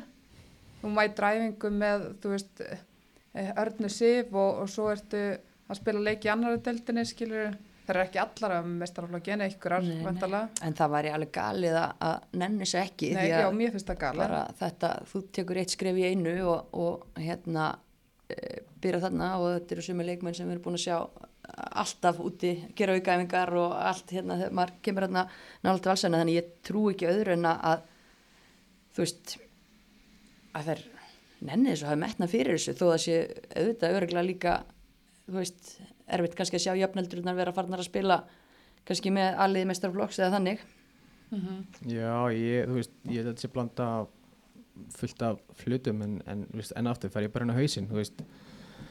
Af hverju er uh, þú veist, það eru fjórar eða fimm í þessu liði sem voru í fyrra farnar að spila í efstu deild eða í bestu liðunum í næstustu deild. Og hérna leikmenn sem voru kannski bara ekkit langt frá getunni sjá leikmenn sem eru núna í KH en þú veist er skiluru, nú eru það komin ára eldri margar þessi stelpum, þú voru flest allar í tíundabæki fyrra, nú eru komin í mentaskóla núna. Er, er eitthvað annað að fara að taka yfir? Er eitthvað annað orðið meira spennandi, er saman metnar í gangi? Þannig að ég held að, hérna, ég held að það sé líka alveg eitthvað sem þú veist KH, Valur þurfa svolítið að pæla í, þú veist, hvernig hvernig er það að tækla sungu leikmenn? Mm -hmm. hvernig, hvernig er best að gera þetta? Mm Af því að það, það ekki íminnað, þú veist, eðlilega er að getur það að vera hættur að blanda að æfa með besta liði Íslands og vera að spila í annar deild. Mhm. þú veist, ef, þú- ef þú upplifið þessum góðan leikmann og mestralóksæðingi á val þá ertu sennilega bara mjög góðu leikmaður. Ef þú getur höndlað æfingar þú veist, þá hérna upplifir þú já, já, á að vera að spila einhver starf annar staðar. En þá var náttúrulega bara algjör synd og mæti sér ekki í annardaldegi og gjör sannlega sýnir að þú sett langbesti leikmaðurinn í liðinu sko. einmitt, og það er líka bara manni finnst það einmitt vera bara tækifæri fyrir það er að einmitt geta eftir með bestu leikmennum að koma svo bara í aðra deildina og sínt hversu vel það er með hausin skrúaðan á Já, ég meina Katla er sannlega langbesta dæmi í fyrra yfir, þú veist, leikmenn sem spila í annardaldinni og, og fóru sér tilbaka glukkaðni og hann spilaði fjóra leiki og skoraði sex mör og þjálfari deildinu völdan í júraslið og efni, eða þú veist, já, með efnilegustu leikmennum hana. Þannig að þú veist, það, það, það er líka það, þú veist, Katla á endanum, sérst, þá ákveða að koma í K.O. og á láni til þess að fá að spila. Og þú veist, það var aldrei neitt eitthvað, já, þú veist, ég er of góð fyrir þetta, bara ég mæti í þessa leiki og ég er best, því vir, virðingu bara og þetta er já. Þannig að það skiptir líka ótrúlega miklu. En svo meðu ekki glema að þetta eru 16 ára krakkar, sko. já, Þetta eru já, börn, sko. og, Þetta- og liðin sem eru búin að hérna á undan þetta er engin grín lið heldur þannig að Nei, nei, þetta er náttúrulega bara annað árið sem er til, sko. já, Þannig séð. en maður sér þarna, þú veist, ég horfði á leikina mútið íhá, þetta eru risa karaktera samt í þessu liði þó það séð bara 16-17 og maður heyrir eins og, þú veist, Bryndis Eiríks, náttúrulega systir Með lögurnu Já. og, og línar. Allra, á, og þú veist, hún til dæmis að mér er gaman að fylgjast með henni út að þú veist, hún er til dæmis, finnst hún vera vókal en Já, hérna sýstu sínar. Og bara það er mér leiðin svo Edda Garðars væri að kalla boltan að það er bara eh, ekkit bullshit, þú veist, það láta allar í sér heyra, það er vita alveg hvað það vilja þannig að þetta eru þó að síðu 16 ára, það er þetta risa já, já. Og, og í öllum þessum leikið sem ég sé, skil, þá finnst mér fárulega gaman að sjá einhverju 16 ára stelpu vera að sundurspila hinlegin, sko. Mhm. En stundum bara, þetta er þetta ekki með þér og það er líka kannski pínuð auðvöld að spila mótið. já, já, algjörlega. Það er fullt, fullt um þetta um, um að segja, um þetta kálið en, en já, Það en það er alltaf nýjasari já, við höldum með þeim. Já, ég menna við höldum með bara stelpum í fótbolta, það ekki? Ömmum í fótbolta líka, já, öllum, öllum í fótbolta. En það eru stelpur í fótbolta líka í hérna, stelpur í fótbolta þetta var alveg, en að uh, sjötta sæti, Áltanes um, þær eru einmitt með jafnmörg stig og hafa inni fjóruleiki, eitt jafntöfli, tapað fimm sjönda sæti reyndar Já, sjönda, hvað sagði ég? Þú veist, það er sjötta, en, en þú veist, það er líka bara þessi fyrstu, efstu fimm sem eru búin að þylja upp, þau eru búin að negla sér áfram í hennan efri hluta, hluta. Svo er það hérna baráttan á milli KH, Áltanes, Altanes, einherja. Sindra. Nei, Sindri Rók Sind, sindri er búin, búin Já, með Sindri sína búin leiki. með sinn, já. Þannig að þetta er þessi þrjú lið sem að, hérna, þannig að Áltanes, það þurfti ótrúlega mikið að gerast Sindri myndi alltaf inni enda í sjötta seti já, gæti gerst. Já, En við ekki afskrifa neitt, nei, tjók. En já, förum í lokaðum fyrir hann eftir. já, gera það. hún er alveg svakaleg. En hérna, Altanis er enda í byllandi séns að fara í efri hlutan og hvað getið þið sagt mér um Altanis? Mér finnst bara rosa þroskamerki á liðinu frá því fyrra, veist, þetta er hérna, þær eru bara, svona, þær voru alltaf að- leggja mikið í leikina sína og, og spila ágætlega en svona, það vantaði bara einhvern veginn aðeins upp á og mér finnst þær búin að minka bilið alveg gríðarlega í næstu lið og náttúrulega hrikalega margar ungar og efnilegar að stíga þarna fram, veist, eins og mist smáradótti til dæmis bara orðin mikill leiðtói, hún vaksa mikið á einu ári og það eru þarna margar, margar fleiri sem að já, maður er bara búin að sjá í yngri landsliðurum og, og svona núna og, og bara mikið gæði og ég held bara svona stærsti munum séu örugglega náttúrulega bara að flesti leikmennir eru ára eldri mm og hérna og, og, og er að spila þessi annar tíðinbil veist, í þessari deil þannig að við vita svona betur hvað er að fara út í. En líka kannski bara það eru fleiri sérst, fleiri efnilegur að koma upp í stjórnum stjórnana með hérna Rosaland 2007 árgang 2008 og 2009 þau eru bara erldi að rústa allir þarna í fjórða og, fymta og eitthvað svoleið sko. Mhm. þannig að það er að koma upp aðna einhverja stelpur sem eru fætta 2007 Hrefna og, og, og Nanna og einhverja fleiri sem eru að spila og eru kannski bara jafnvel betri heldur en leikmennin sem voru að spila í fyrra. Já, þannig að það Svo eru er að það. minka bili þótt þessi ungar. Þannig að það sé svona ástæðan fyrir kannski meiri stöðuleika þannig mm Mhm. ég talaði um það mitt síðast að veist, það vantaði bæði stöðuleika í vörn og sóknu fyrra já, sem er ekki góð blanda sko. Nei, en það það að er er aðeins jafnara núna já, samt í mínus markatölu. Og það er áhugavert. Já, mjög áhverð svona miða við það sem að maður hefur séð frá þeim út af velli en já, þannig að já, bara, þú veist ég held að það séu klálega horfið að, að, að enda í efri helminum sem er því bara helviti vel gert. Það er algjör sigur hver, hver var þeim spáð hérna? Og með áttunda eða eitthvað líka. Já, eitthvað svo leiðis Og það geta líka, þú veist, eins og það gera jafntöfli og gróttu sem við spáum fyrsta sæti, þannig að fyrir þannig að setni helming þá getur allt gæst. Já, ég held að það líka hjálpa alltaf þessi alveg fárana mikið að hafa Anitu Íri í þessu fjóru leikjum. já, Já, halló, Hún halló. spilaði fjóru leiki, skoraði fjögur mörg og veist, var náttúrulega bara all gjörsvindkall já, í þessari deild. Mhm. Nú sé bara hún er að koma inn á núna í, í, í hérna, hérna hjá stjórninu er bara með betri mönnu þegar hún kemur inn á. Skora. það, það var rétt, það var góð innspýting en, en frábært líka bara fyrir hana sem var ekki með í fyrra að, að þú veist, taka tvö skref aftur bak, ekki bara eitt skref, verði lengi til taka tvö skref og bara koma sér aðeins í gang og er bara eiginlega já, Finna líka bara gleðin aftur í þessu, þú veist, Mhm. Maður sá það bara skoraði markun fyrir stjórnundin daginn og það er bara gaman hjá henni. já, En hérna, má ég fyrir næsta? ég gerur svo vel. Hérna, Sindri áttundasæti og við vorum að segja það, hérna, það eru búnar. búna með sína leikið og við spáðum þeim fjórðasæti þannig að þetta eru vonbreyði mm þú veist þær hafa bara unnið fjóra leiki sumar og, og hérna eitt jafntöfli og tapað sex leikjum. Og þær eru við, liðin sem að þær hafa unnið eru Altanes, Hamar, KH og KA og KH þær eru að tapa fyrir öllum liðanum hérna fyrir já, ofan. það er rosalega sérstætt ég held að bara, þú veist, ég held að mestu vonbreiðin hjá Sindra séu síðustu tvei leikir. mm að hérna, þær hefðu bara auð, auð, auðvitað geta flóið inn í svolítakefni en það tapir fyrir einherri 1-0 á heimavelli og gjör jættefli svo við, þú veist, íhá mm það kom kenning, þú eru búin að heyra kenninguna. Komdu með hana. Svona ferðarkostnaðar útreikningskenning þær var ekki að fara upp og þess vegna væri betra að taka þetta seti fór fleiri heimaleiki mögulega bla bla bla. En það er svo mikið eftir á mótinu, mér finnst þetta bara mér finnst þetta skemmtilegt.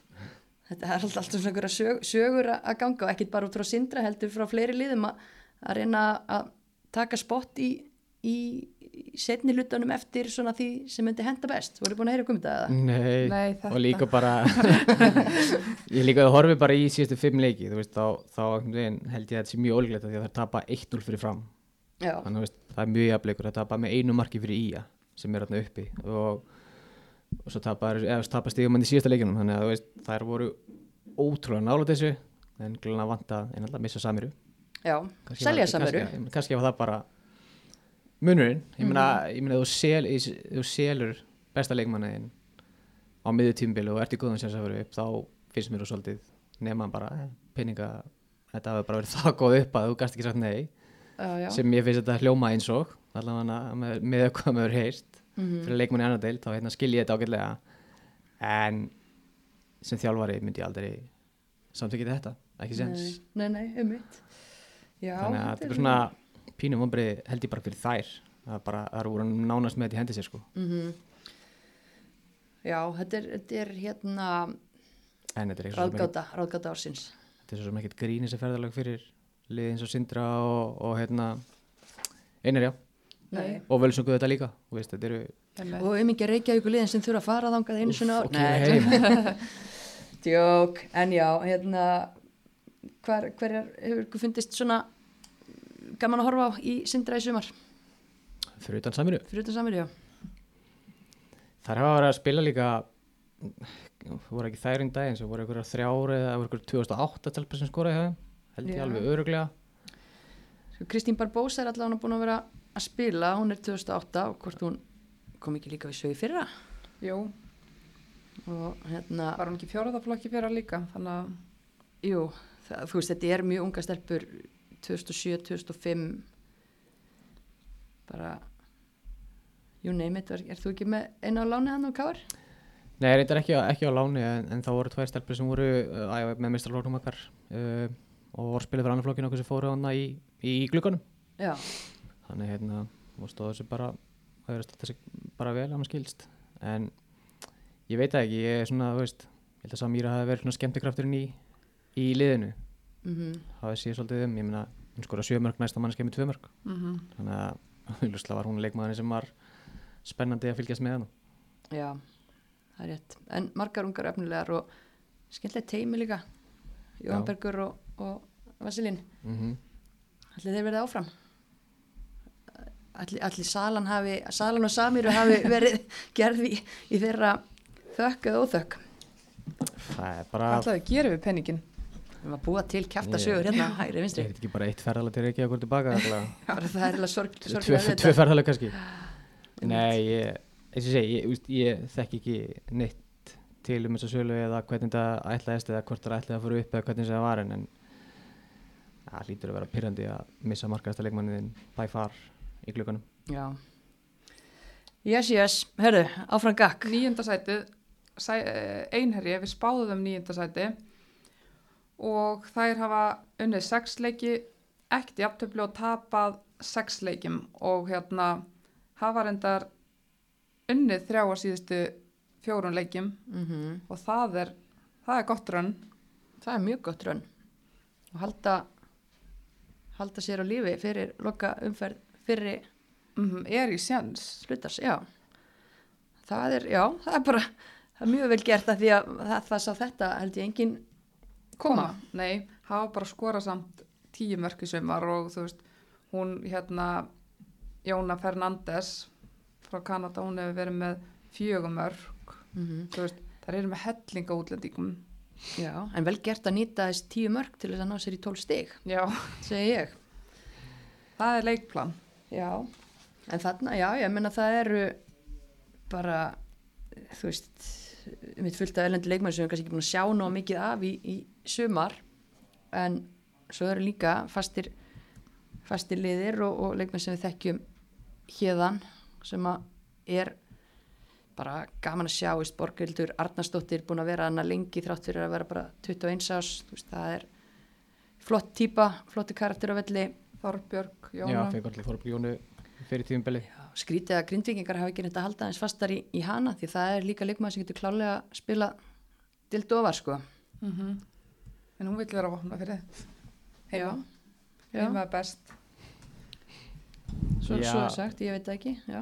ef einari fer í úsleikennina þá er það sennilega eitthvað þá óvendast að segja sem við getum spáðið sér að deilildi sko mm bara verandi, þú veist, verandi á vopnafyrði og hérna þurfa saman að púsla saman alltaf einhverju liði hérna rétt fyrir mót og og vita svo sem ekkert hvort að fá sennilega þannig séð að hérna ef það er farið í úsleikennina þá er það bara stort afreg mínum að því, ég efri hluta úsleikenninar Rísa stórt. ég myndi segja það. Það er ennþá í sjans. Það eru ennþá í sjans og þú veist, maður sér það eins og þær eru með þunnan hóp, þær eru stundum bara með tvær á bekknum, þú veist, í síðasta leik held ég að þar síðasta leik er er Linda Björk að koma inn á og svo var að vinna með mér á í HB Granda, skilur hún á hún á dóttirðarni í liðinu skilur hún er að- til að taka, taka skona fætt, hún er örgulega elst, ætla bara aðtöða hún vinnur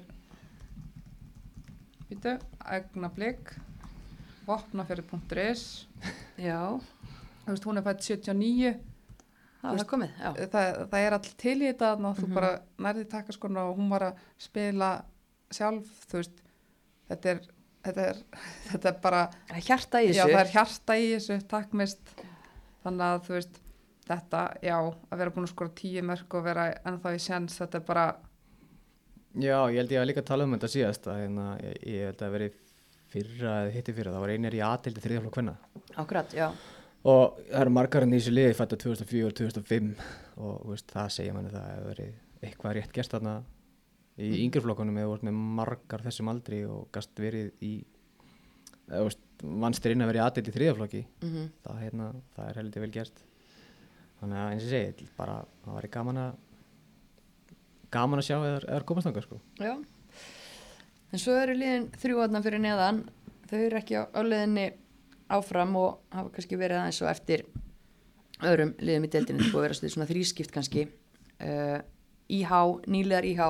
tíundasæti eins og er við spáðum tíundasæti þær hafa unnið eitt leik í sumar er með fimm stig Mm hafa gert tvö jafntöfli en þú veist, þær hafa til dæmis skorað fleiri mörg en Sindri og Einherji Já. og eru ekki langt frá Altanesi og þú veist, þær eru þarna með Ég er bara ekkert langt frá fram þannig séð Nei. og þú skoða hvað er, stigafjöldin og allt þetta sko sem er alveg ótrúlegt Einmitt. En það er svolítið nýtt lið sem er að taka setni hlutan þar, leikmenn sem hafa dotti út sem voru mm náttúrulega bara mjög mikilvægur Aldís Kara nærenda bara þremur leikjum en þú veist, Bryndís Rönn bara múið að spila einn held ég þú veist, svona, það eru margir leikmenn þarna, það, ég taldi hérna að það eru nýju leikmenn sem hafa spilað sjö leiki eða fleiri. Já, þannig að þetta er og þetta er mikið breyting núna þær sem er að fara að klára þetta versus Mhm. þær sem að byrja þetta og það, maður hefur líka séð það bara svona svolítið á úslitum hverjar hafa verið að spila þessa leiki. Þetta er svona ekki mikil stöðuleiki í því hvernig liðinu hefur getur verið stilt fram. Nei og ég, ég held að við með mig talaði um þetta þú veist þetta við töluðum held í tíundasæti og við getum, vorum Mhm. líka að tala um að varum mögulega ofar mm en þetta er þetta bara svo ótrúlega random hverja var fara að spila og hvernig setupi væri á þessu, veist, hvort þetta væri er, gerum þetta eins og allt eins og hvað var að gera þetta veist, það er bara Mhm. þvílíkuð metnaður og það er bara eftir fjórum svona viku og leikur og allt þetta eða þú veist, er þetta tvisar í viku og, og, og ég kennst ekki leikina því hann er, þú veist, þarna eða, eða bara hann er á lögadegi eða þú veist, bara er að gera eitthvað allt annað sko. -hmm. Þannig er að svona, já, kempur og, og annað flókstelpur sem er kannski ekki að narta í, í hópin hjá FH þannig að þetta er svona já, þetta er alls konar. Alls konar og þú veist, ég taldi hérna að þær eru með held ég átta leikmenn sem hafa verið að spila fyrir það sem hafa spilað yngri landsleiki aðalega úr FH samt. En þú veist, þetta eru gæði í þessum stelpum Mhm. sem að hafa mætt í leikina, ykkur leiki. Þú veist, þess vegna er það að skora geta skora mörg alltaf. Já, eins og Þetta- sáum bara í byrjun suma sem þær fara á Húsavík og þær tapa bara 1-0 í, í hörku leik þannig að það er bara, já, svona er það með annar flokk líka held ég, FH já, og veist, það er örgulega að spila eitthvað svolítið stort inn í líka hverju að spila hvar en að maður svona velti fyrir sér veist, var þá þörf fyrir þessu eða var, er þörf fyrir öðrum flokki? Mm veist, hefði þetta átt að meika eitthvað sens eða vilja fara í úslakefnina en svo veit maður veist, hver pælingin á veist, bakvið í hjá sér sko. Nei, hún er verðist allan bara- að vera að hann sé bara í mótun. pottitt og Lilja Dögg, hún er mætt í síðasta leik. Já, ég seldi hana hérna í þættundaginn já, þannig að hún var bara keift fyrir einhverja samýru upphæð eða? Herðu, nei, ég veit ekki alveg. Pínu skellir fyrsta leiksand sjö mörg Já, já, en, en ég kalla hana, kalla hana góða. Hún var með á flensu. lokandi félagskiptugluggans hún var með flensu en hún var einmitt hérna, já, talaði við hann eftir leik og hún var einmitt að spilaði held ég e, með Petru við hliðin á sér þá og svo var Marja Selma hvort það var leikurinn undan. Mm -hmm. og hérna þannig að þetta er svona þær eru að læ- að læra nöfnin og, já, ég og held að þetta. sé bara martur fyrir þjálfara sko Nei, nei, hann er bara gaman að þessu En ég held að það sé gaman þarna. Ólín, já, ég held að það sé mjög gaman og þú ert með, um mitt sýsturnar, hérna Antonstættur og, og svona það er alls konar stemningskonur í þessu Já, ég held að klefin sé örgulega góður sko. Já, og verða það ekki bara með aftur á næsta ári Já. Er það ekki? Mér Er ekki, finnst er ekki nógu gaman og nógu Jú, mikið mér finnst í allan gangi? úrslitin þannig að maður horfir yfir bara leikinni hjá þeim að þetta er, þú veist, eins og þú segir, er ekki á völsung leik þegar er að, hérna, og þú veist, þar hafi ekki fengið, jújú, það ykkur að skelli en þetta er samt ekkit galið. Nei, alls ekki En liðið í, hérna, 11. sæti er Hamar og þær eru með fjögustig, búin að vinna eitt leik, gera jafntefli eitt leik, þú veist, þær vinna K.A. sem er neðst og jafntefli við IH, þetta er, Já, sérst bara fjör stiga liðið fyrir neða þig já. og eitt liðið fyrir þig. Já, og við svo sem það kannski sást bara í vor í hvað stemdi svolítið Já, þetta er ekki, bara, þú veist, er bara- miður ekki búið að gott ár bara fyrir almennt. Hamar sko. Já, húsi fauk og Húsi fauk, missa hetti hemma og og Þetta er bara svolítið svona þungt. Já, eftir það er svona, einmitt, hefur verið svo rosalega meðbyr hann að síðustu ára, það kom svona bara Mhm. skellu núna og fyrir miður, þetta er bara svolítið sorglegt.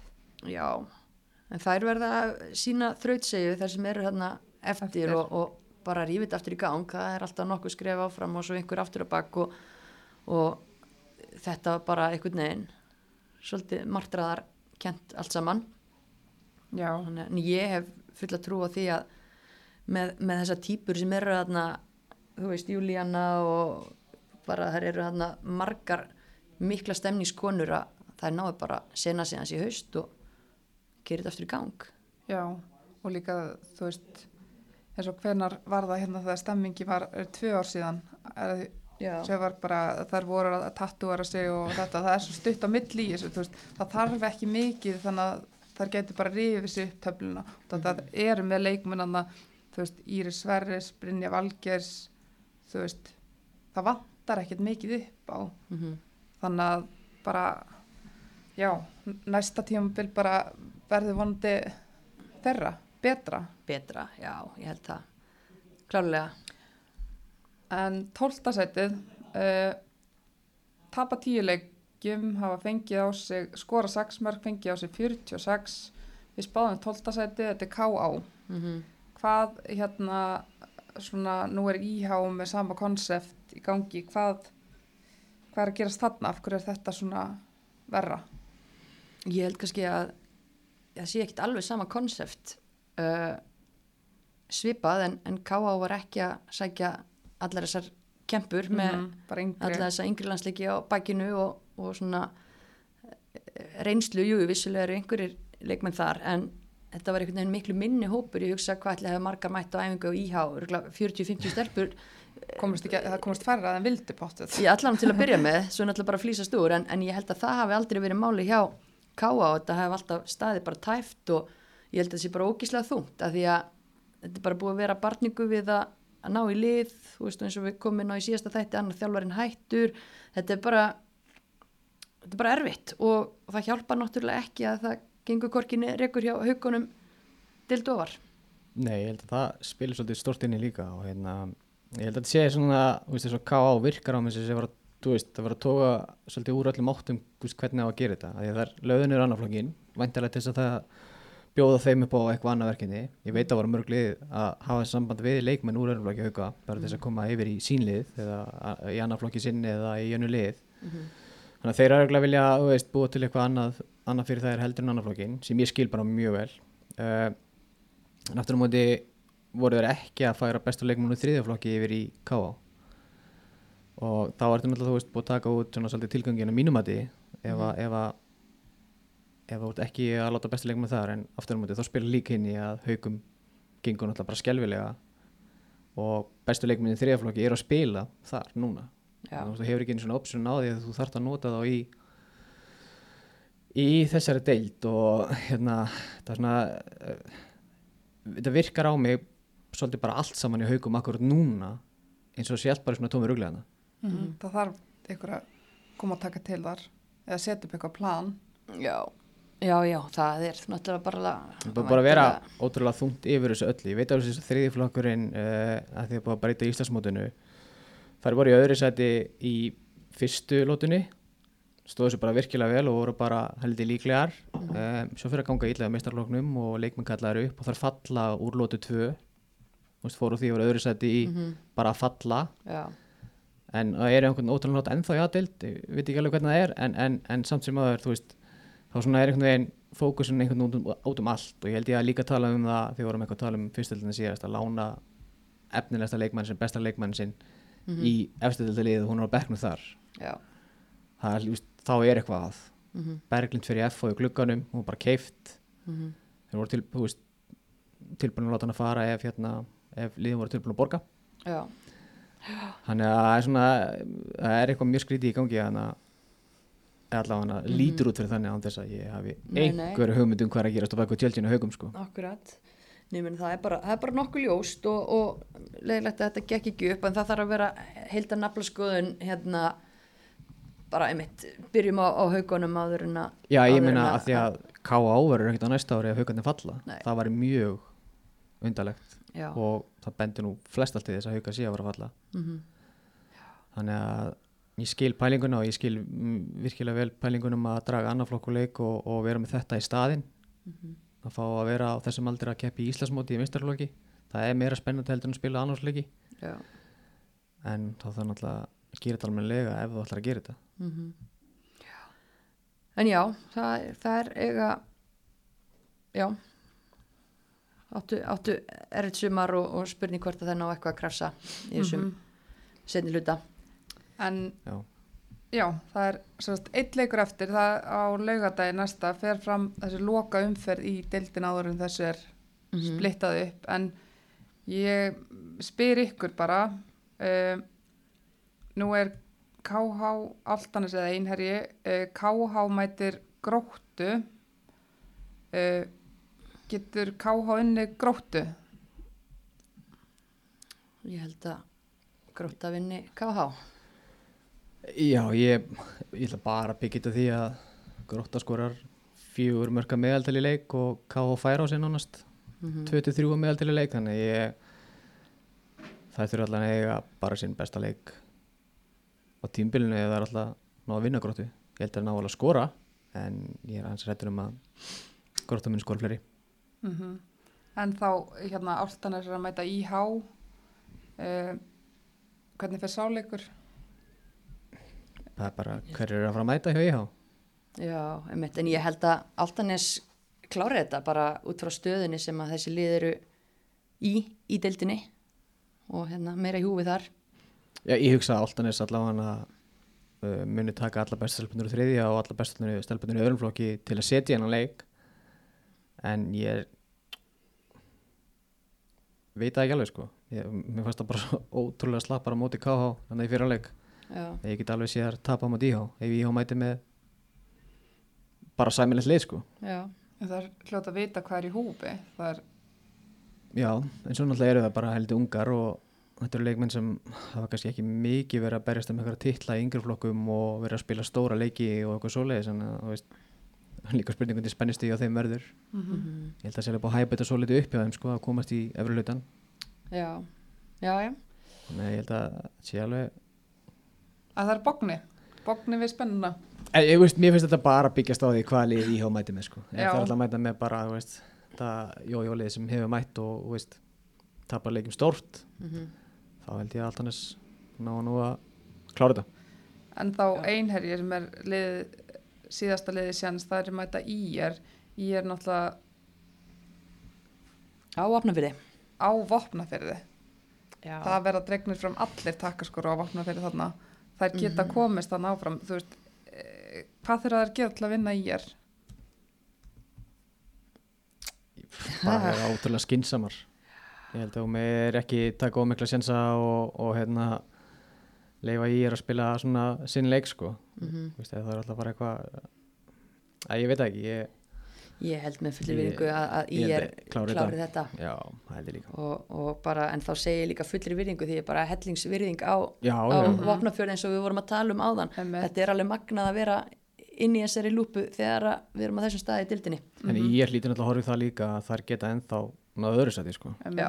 og hérna þannig það eitur hún ekki öðru en að þær fljúi í leikinn og, og verði með átjá manna hóp og, og öllu tjálta til mm til þess að reyna að tryggja sér sæst og að geta Já, og eins og Hulda kom inn á þann stígin fylgja vissulega áfram í, í fjörið og þær eru uh, þrem stígum á eftiröðursætinu núna þannig að, að þetta skiptir allt saman máli Mhm. En eins og þið spáðu þessu núna þá er Altanes að fara áfram og KH ekki. KH sittur eftir.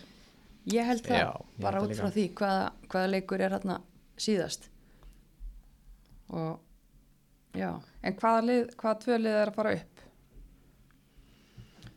bara í, í haust Já, bara í haust. Bara í haust. um jólinn.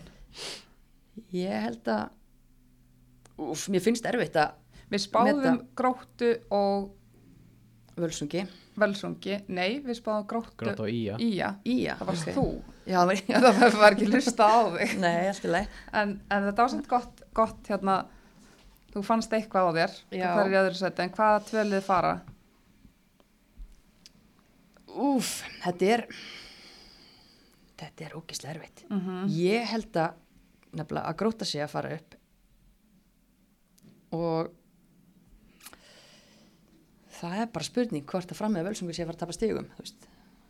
ekki það að, að ég veiti eitthvað sérstaklega mikið um þetta allt saman en bara það er mín tilfinning að gróta fari og sem ég langar að segja fram bara út af því hvernig það eru búin að vera í sumar en ég er heldur ekkert að sjá völsunga sleppa neinum tökum.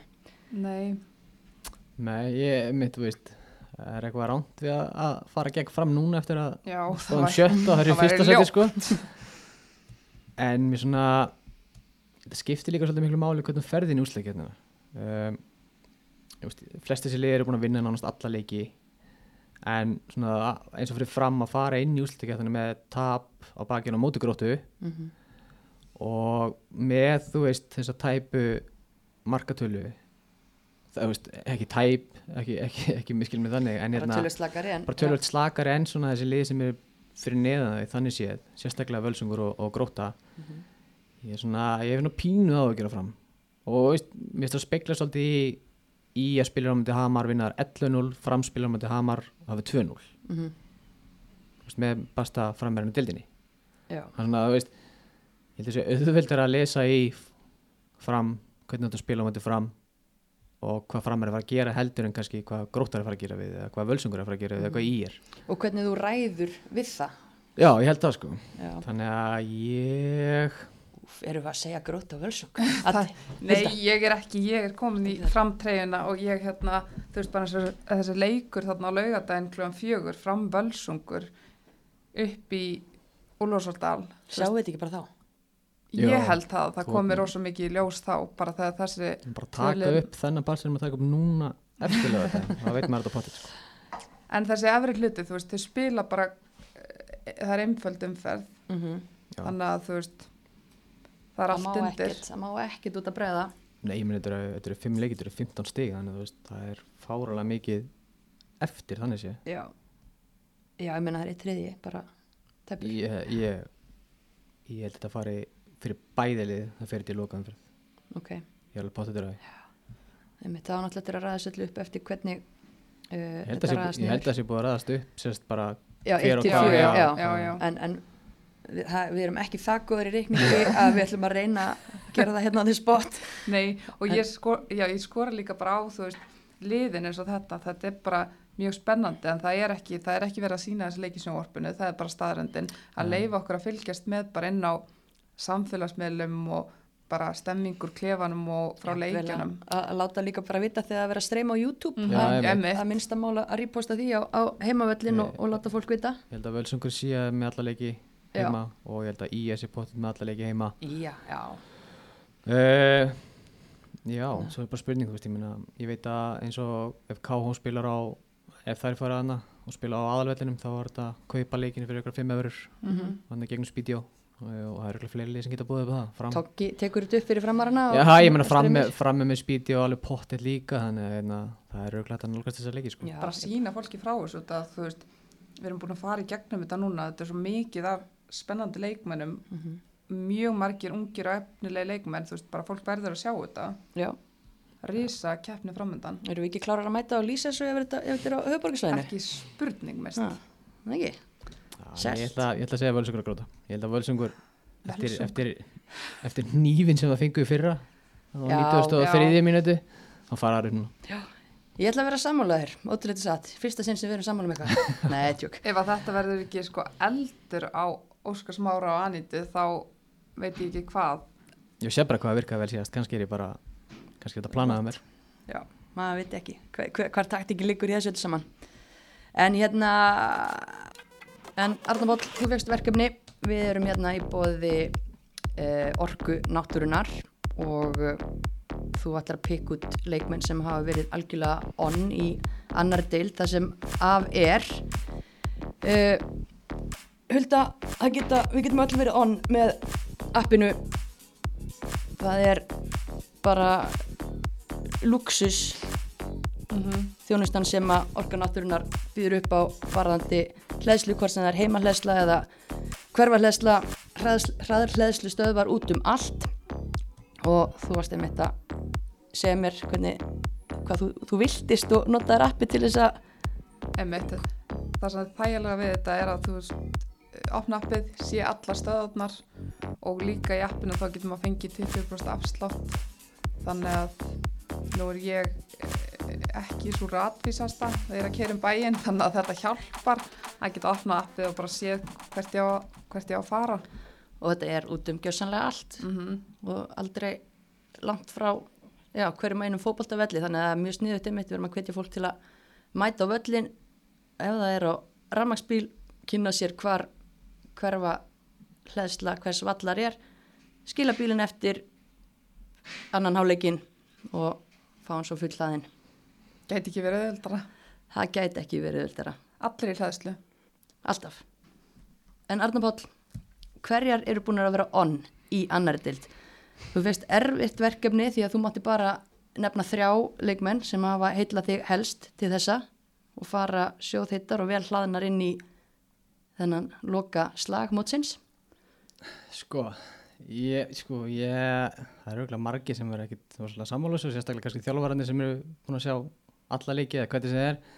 En veist, mér allavega í því leiki sem ég sé þá valdi ég bara leikminn sem á að heilla mig bara svona uh, eftir hvernig það er að spila og hvernig það er inn á vellinum og, og þannig hérna, ég valdi svona svolítið eftir því. Ég var ekki endilega að fara í eitthvað að leikmennina eða hérna eða þú veist hverjum er bestu vörnin eða eitthvað. Ég tók þetta bara algjörlega því hvað svona heillaði mig mest bara já einstaklingum sjálfum sko. Mm -hmm. og hérna ég enda gati ekki gert þetta öðruvísi en heldur en að velja. Ég er ekki vissum ég megi velja leikmann þess að hún er ekki farin í úslakefnina en ég er náttúrulega varð hún að þarf velja ekki að vera í úsleikefni Nei, nei, Já, hún er ekki að hún fara. er sérst bara ekki lengur í deildinni. Nú. Já, því hún er í mínu liði. Þannig hérna það hefur verið skrítið að velja hana ekki fyrir Já, mig skil þig, hérna, já. velja, að velja Lilju líf ekki sem hérna hérna betur leikmann sem ég, ég hef síða deildinni. Þannig að hérna hún, hún var efst á lista hjá mér. Ok, ok, fair enough. Þú ert líka klókur að gera þetta svona út að það eru þjálfara sem að hlusta á þetta. Hver eru bestar í deildinu og ætla að kippa þeim leikmennu kannski yfir? En þú ert búin að næla þér í þessa. Já, já, það er mitt það var bara allt planað. Nei, nei, hérna eins og ég talaði um hana það er bara ótrúlega, ótrúlega margt í hérna spunnið og hérna hún getur náð virkilega langt sko. Já, Þannig ég, hún var í, hún var í fyrsta sæti á mér. ok, Uh, leikmaður með tvö og hérna enn aftur og bara var þetta svona leikmaður sem leikir sem ég séð bara svona heilla mig með spilumösku það er hún Írina í fram. já Það er bara, ég veit ekki, það er eitthvað við svona hvernig hún reyfið svona vellinum og leikskilningun hjá henni og tæknin hjá henni sem ég veist bara geggjað. Ég veist svona þessi típa á Íslandi, bara hvort sem það er efstutild eða inkasso eða, eða hvað sem það er. Veist þetta ekki svona algeng típa á Íslandi. Mm. Góð á boltanum og mjúkar reyfingar og svona, þú veist, er aðeins öðru í sig heldur en flest allir, sérstaklega þessar deild miðumennir sem eru oft svona meiri, meiri slagsmálum og, og svona einfaldar hlutum. mm. Þannig að hún hefur heillað mig alveg uh, bara, já, helítið mikið. ok, Þannig að ég held að þetta sé leikmaður sem hérna framætt að horfa í að halda ef, ef það fara upp. mm algjörlega, og hver er, er svo þriðja á blað, þetta er náttúrulega sko tólf líð og bara þrýr leikmenn. Þetta er grimt Þetta er erfitt sko. Uh, nei, einu sem bara fyllt að nöfnum þetta sem það getur nefnt líka. En aftur því leikmaðurinn svona með að við uh, þá er ekkert endilega horfið hvernig liðinu búið að ganga eða, eða þú veist eitthvað svoleiðis. Það er Kolbrá í IK Já, og hérna það er bara þú veist mér, en, en, en aftur þú veist þá er hún ekki svona leikmaður sem þú horfir á í leikjum og hugsa með þetta er einhver snillingur því veist hún er náttúrulega mjög lítil fer ekki þannig sem mikið fyrir henni hún er að spila bakur oftast sem er Mm. náttúrulega bara fárlega vannmetinn staða en að sjá þú veist leikmann á eldri ári því það ekki spila stöðun eins og hún spilar hana það finnst mér bara sjálfgeft hún spilar hana bara upp á tíun annars mhm.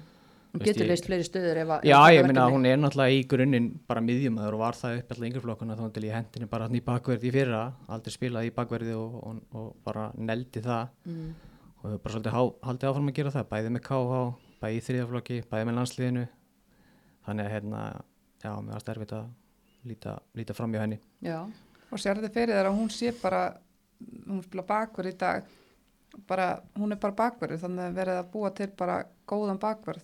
Það er að losna stöður í, í allansliðinu, kannski eitthvað í það, en þú veist, okkur vantar fleiri góða bakverði. já. ég held að svona, ef þú myndir spila Kolbró í dag hvernig langar að spila, þá hún segir hún örgulega miðina mhm. ég held að hann sé að fá að spila þá stuðu með þriðafloknum sem er bara frábært en ef ég var í Kolbrá þá myndi ég fókusa svolítið á að hérna, negla, negla bakverðin og, hérna, og hún getur helna á held ég bara helviti langt Já, ég held að Kolbár sé líka þannig leikmaður sem segir bara ég skal bara spila það sem að ég á að spila fyrir liðið mitt því að hún hefur svo mikil tím Já, ég, þú veist, þetta er bara uh, fyrir utan náttúrulega líka bara að vera góð fókbalta það er geggjaður, geggjaður karakter og æfir alveg fárulega mikið og hérna kemur úr íþrótt og fjölskyldu. Já, og hérna hún á stutt í að sækja fyrirmyndir og, og hérna kalla tryggvaði náttúrulega bara stjúpsýsturinnar mhm. þannig hérna hún hefur góða, góða fyrirmyndir og hérna og góða fóreldra þannig að uh, hún velkomin í lögadalinn til sístu sinnar Nei. Nei, nei, ég held að hérna, þetta er leikmaður sem ef, ef, ef hún heldur rétt á, á hérna, spöðunum þá hérna, held ég að hún eftir að fara helviti langt, ég hef það mér trú á henni Mhm. Þetta er allan að, þetta er skemmtilegt og þetta var kannski einmitt hún sem segir ekki alveg eftir bókinu, það er ekki bara að teki hérna hver er marka hæst og, og, og þetta heldur bara hver er hafa heillað og góður on listi yfir, yfir þrjár sem hafa heldur betur heillað í þessar deild. En hérna það eru landslýshópur á föstu dag tveir leikir sem sker úr það hvort að Ísland sé að fara beint á EM. Já, smá högt hérna upptökunni en uh, já, tveir leikir sem sker úr það hvort að Ísland fari beint á HM eða ekki. Íslandska liðið hérna mætir fyrst kvítrúsum og heima svo Hollandi úti. Erum við að fara að sjá eitthvað óvænt hjá Þorstin Haldósinni á föstu dag mm, Nei, ég held ekki. Eh, Ég veit svo sem ekki, náttúrulega Telma er náttúrulega ennþá meitt þannig að hún verður náttúrulega auglustlega ekki, ekki í þessum hóp þannig að það eru gaman að sjá hvaða markmennar tekur. Hvort að Mhm. auður haldi áfram verið í hópnum eða hvort að Íris verði þarna líka eða bara hvaða markmennar tekur inn í þetta. Ekki það kannski skipti öllu máli þessu samtali er alltaf að fara að spila. Mm -hmm. en ég held að svona allt annað verði nokkurn veginn eftir bókin ég held að Eli Metta sé Já, og kannski hver tekur plássiðinu Hallböru því hún ætlar ekki að halda, halda áfram, já, einmitt, halda áfram út. Þannig að ég held að mynda nú fara bara beint inn í, inn í vinstri bakurinn held ég. Mm. Er spurning hvað kemur í, í hópin. Mm -hmm. Verður það það annar bakurður sem hann tekur inn eða... ég held ekki, ég held að hann hefur verið að spila Guðinni náttúrulega í bakveri, svo náttúrulega hefur hann að spila vin, Elísi vinstra megin líka, Mm þannig ég er ekkert endilega viss að hann kalli inn, inn bakverð en ég get alveg trúið að hann taki inn bara miðvörð eða miðjumann í staðinn, Já, það kemur ekki orð það er náttúrulega nóg til af, af þeim hjá okkur. Já, ég minna að hann mögulega horfur hann eitthvað inn í íslenskadeildina og, og tekur einhvern leikmann þaðan. Mm velunur einhvern fyrir góða framistuðu þannig að ég er svona ég, ég held að það sé svona kannski fyrir utan að Hallberg er alltaf hætt en þá held ég að Elin Metta sé svona stærsta spurningamerki, hún er ekki ennþá farin að byrja leiki eftir að hún kom heim. Þannig -hmm. Er það til dæmis svo hlín, þetta er kannski hlín, Caritas, Natasja, að já, ég held einmitt að þú veist ef, ef, ef Elin verður ekki þá held ég að Hlín sé alveg pottið þannig inn og ég meina sérstaklega hún skorur náttúrulega hvað þrennu þarna daginn eftir hún var ekki valin alltaf sopin mm -hmm. að hérna og séðan bara já, Natasja kemur alls ekki óvart heldur ef hérna ef, Mhm. ef hann ætlar að pikka inn einhvern fyrir Hallberg Já. Akkurat, þetta kemur í ljós á föstudaginn, miðasalan hefst 23. ágúst og við erum auðvitað öll að fara að mæta á mm -hmm. Belarusleikin, Kvítarúslandsleikin sem er annan september. Þannig að bara vera klár á hátegi 23. ágúst fara tix.is græða sér miða.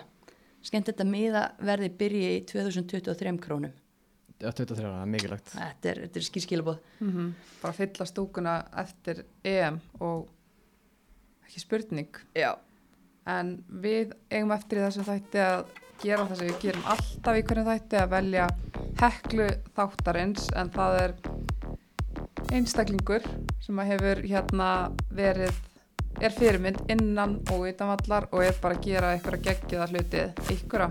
Þetta er nú konur sem er að gera miklu meira það en við ákvaðum að velja mist í þessum hætti Já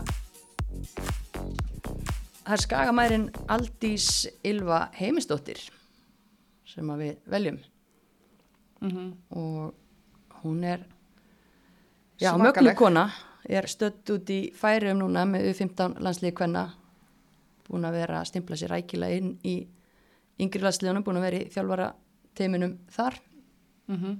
og er náttúrulega aðstofþjálfari í meistarflokk Fenna og aðalþjálfari hjá öðrum flokki hjá og, Ía mm og sér svo um eh, afreikstarfið í fjölbrytarskóla Vesturlands til svo í viku á mótnana hún er allt í öllu líka. Var að kenna einmitt er í pásið þar að því hún er að taka UFA þjálfarréttindin og þú veist bara já, eins og þú talaður um yngri eh, landsliðin þú veist, það elskan allir. Mm hún er bara, hún er algjör peppari þú getur ekki verið með henni meira en 5 sekundur að þess að komast í gott skap mm það er bara ekki hægt. Og sjálf, þú veist, hún spilaði sjálf uh, hellinga leikjum fyrir Ía, spilaði tvo yngri landsleiki sjálf. Þú veist, þetta er líka bara maður sá það þarna uh, eins og hæfileikamótun sem var haldin upp á Skaga, þú veist hún er kona þar að þjálfa mm. góðu þjálfari skemmtileg. Þú veist, stelpun að líta upp til hennar. Algjörlega og bara, þú veist hún gefið bara í að líka ótrúlega mikið og, og hérna búin að vera í þessu hillengi hún nefnir eh, sem leikmaður þjálfari og, og svona, hefur það mættinni Arnar? Já, ég held ég að nú að mættin einhvern veginn í gegnum tíðina. Hérna, ég átti hann alltaf að mæta henni eitthvað núna í sumari með öðrum flokk en, en hérna, hún síndi mér góðan skilning með einhverja frestun og leikið þar, þannig að, uh, en ég hef ekki mikið mætt henni svona gegnum, gegnum tíðina minni mig.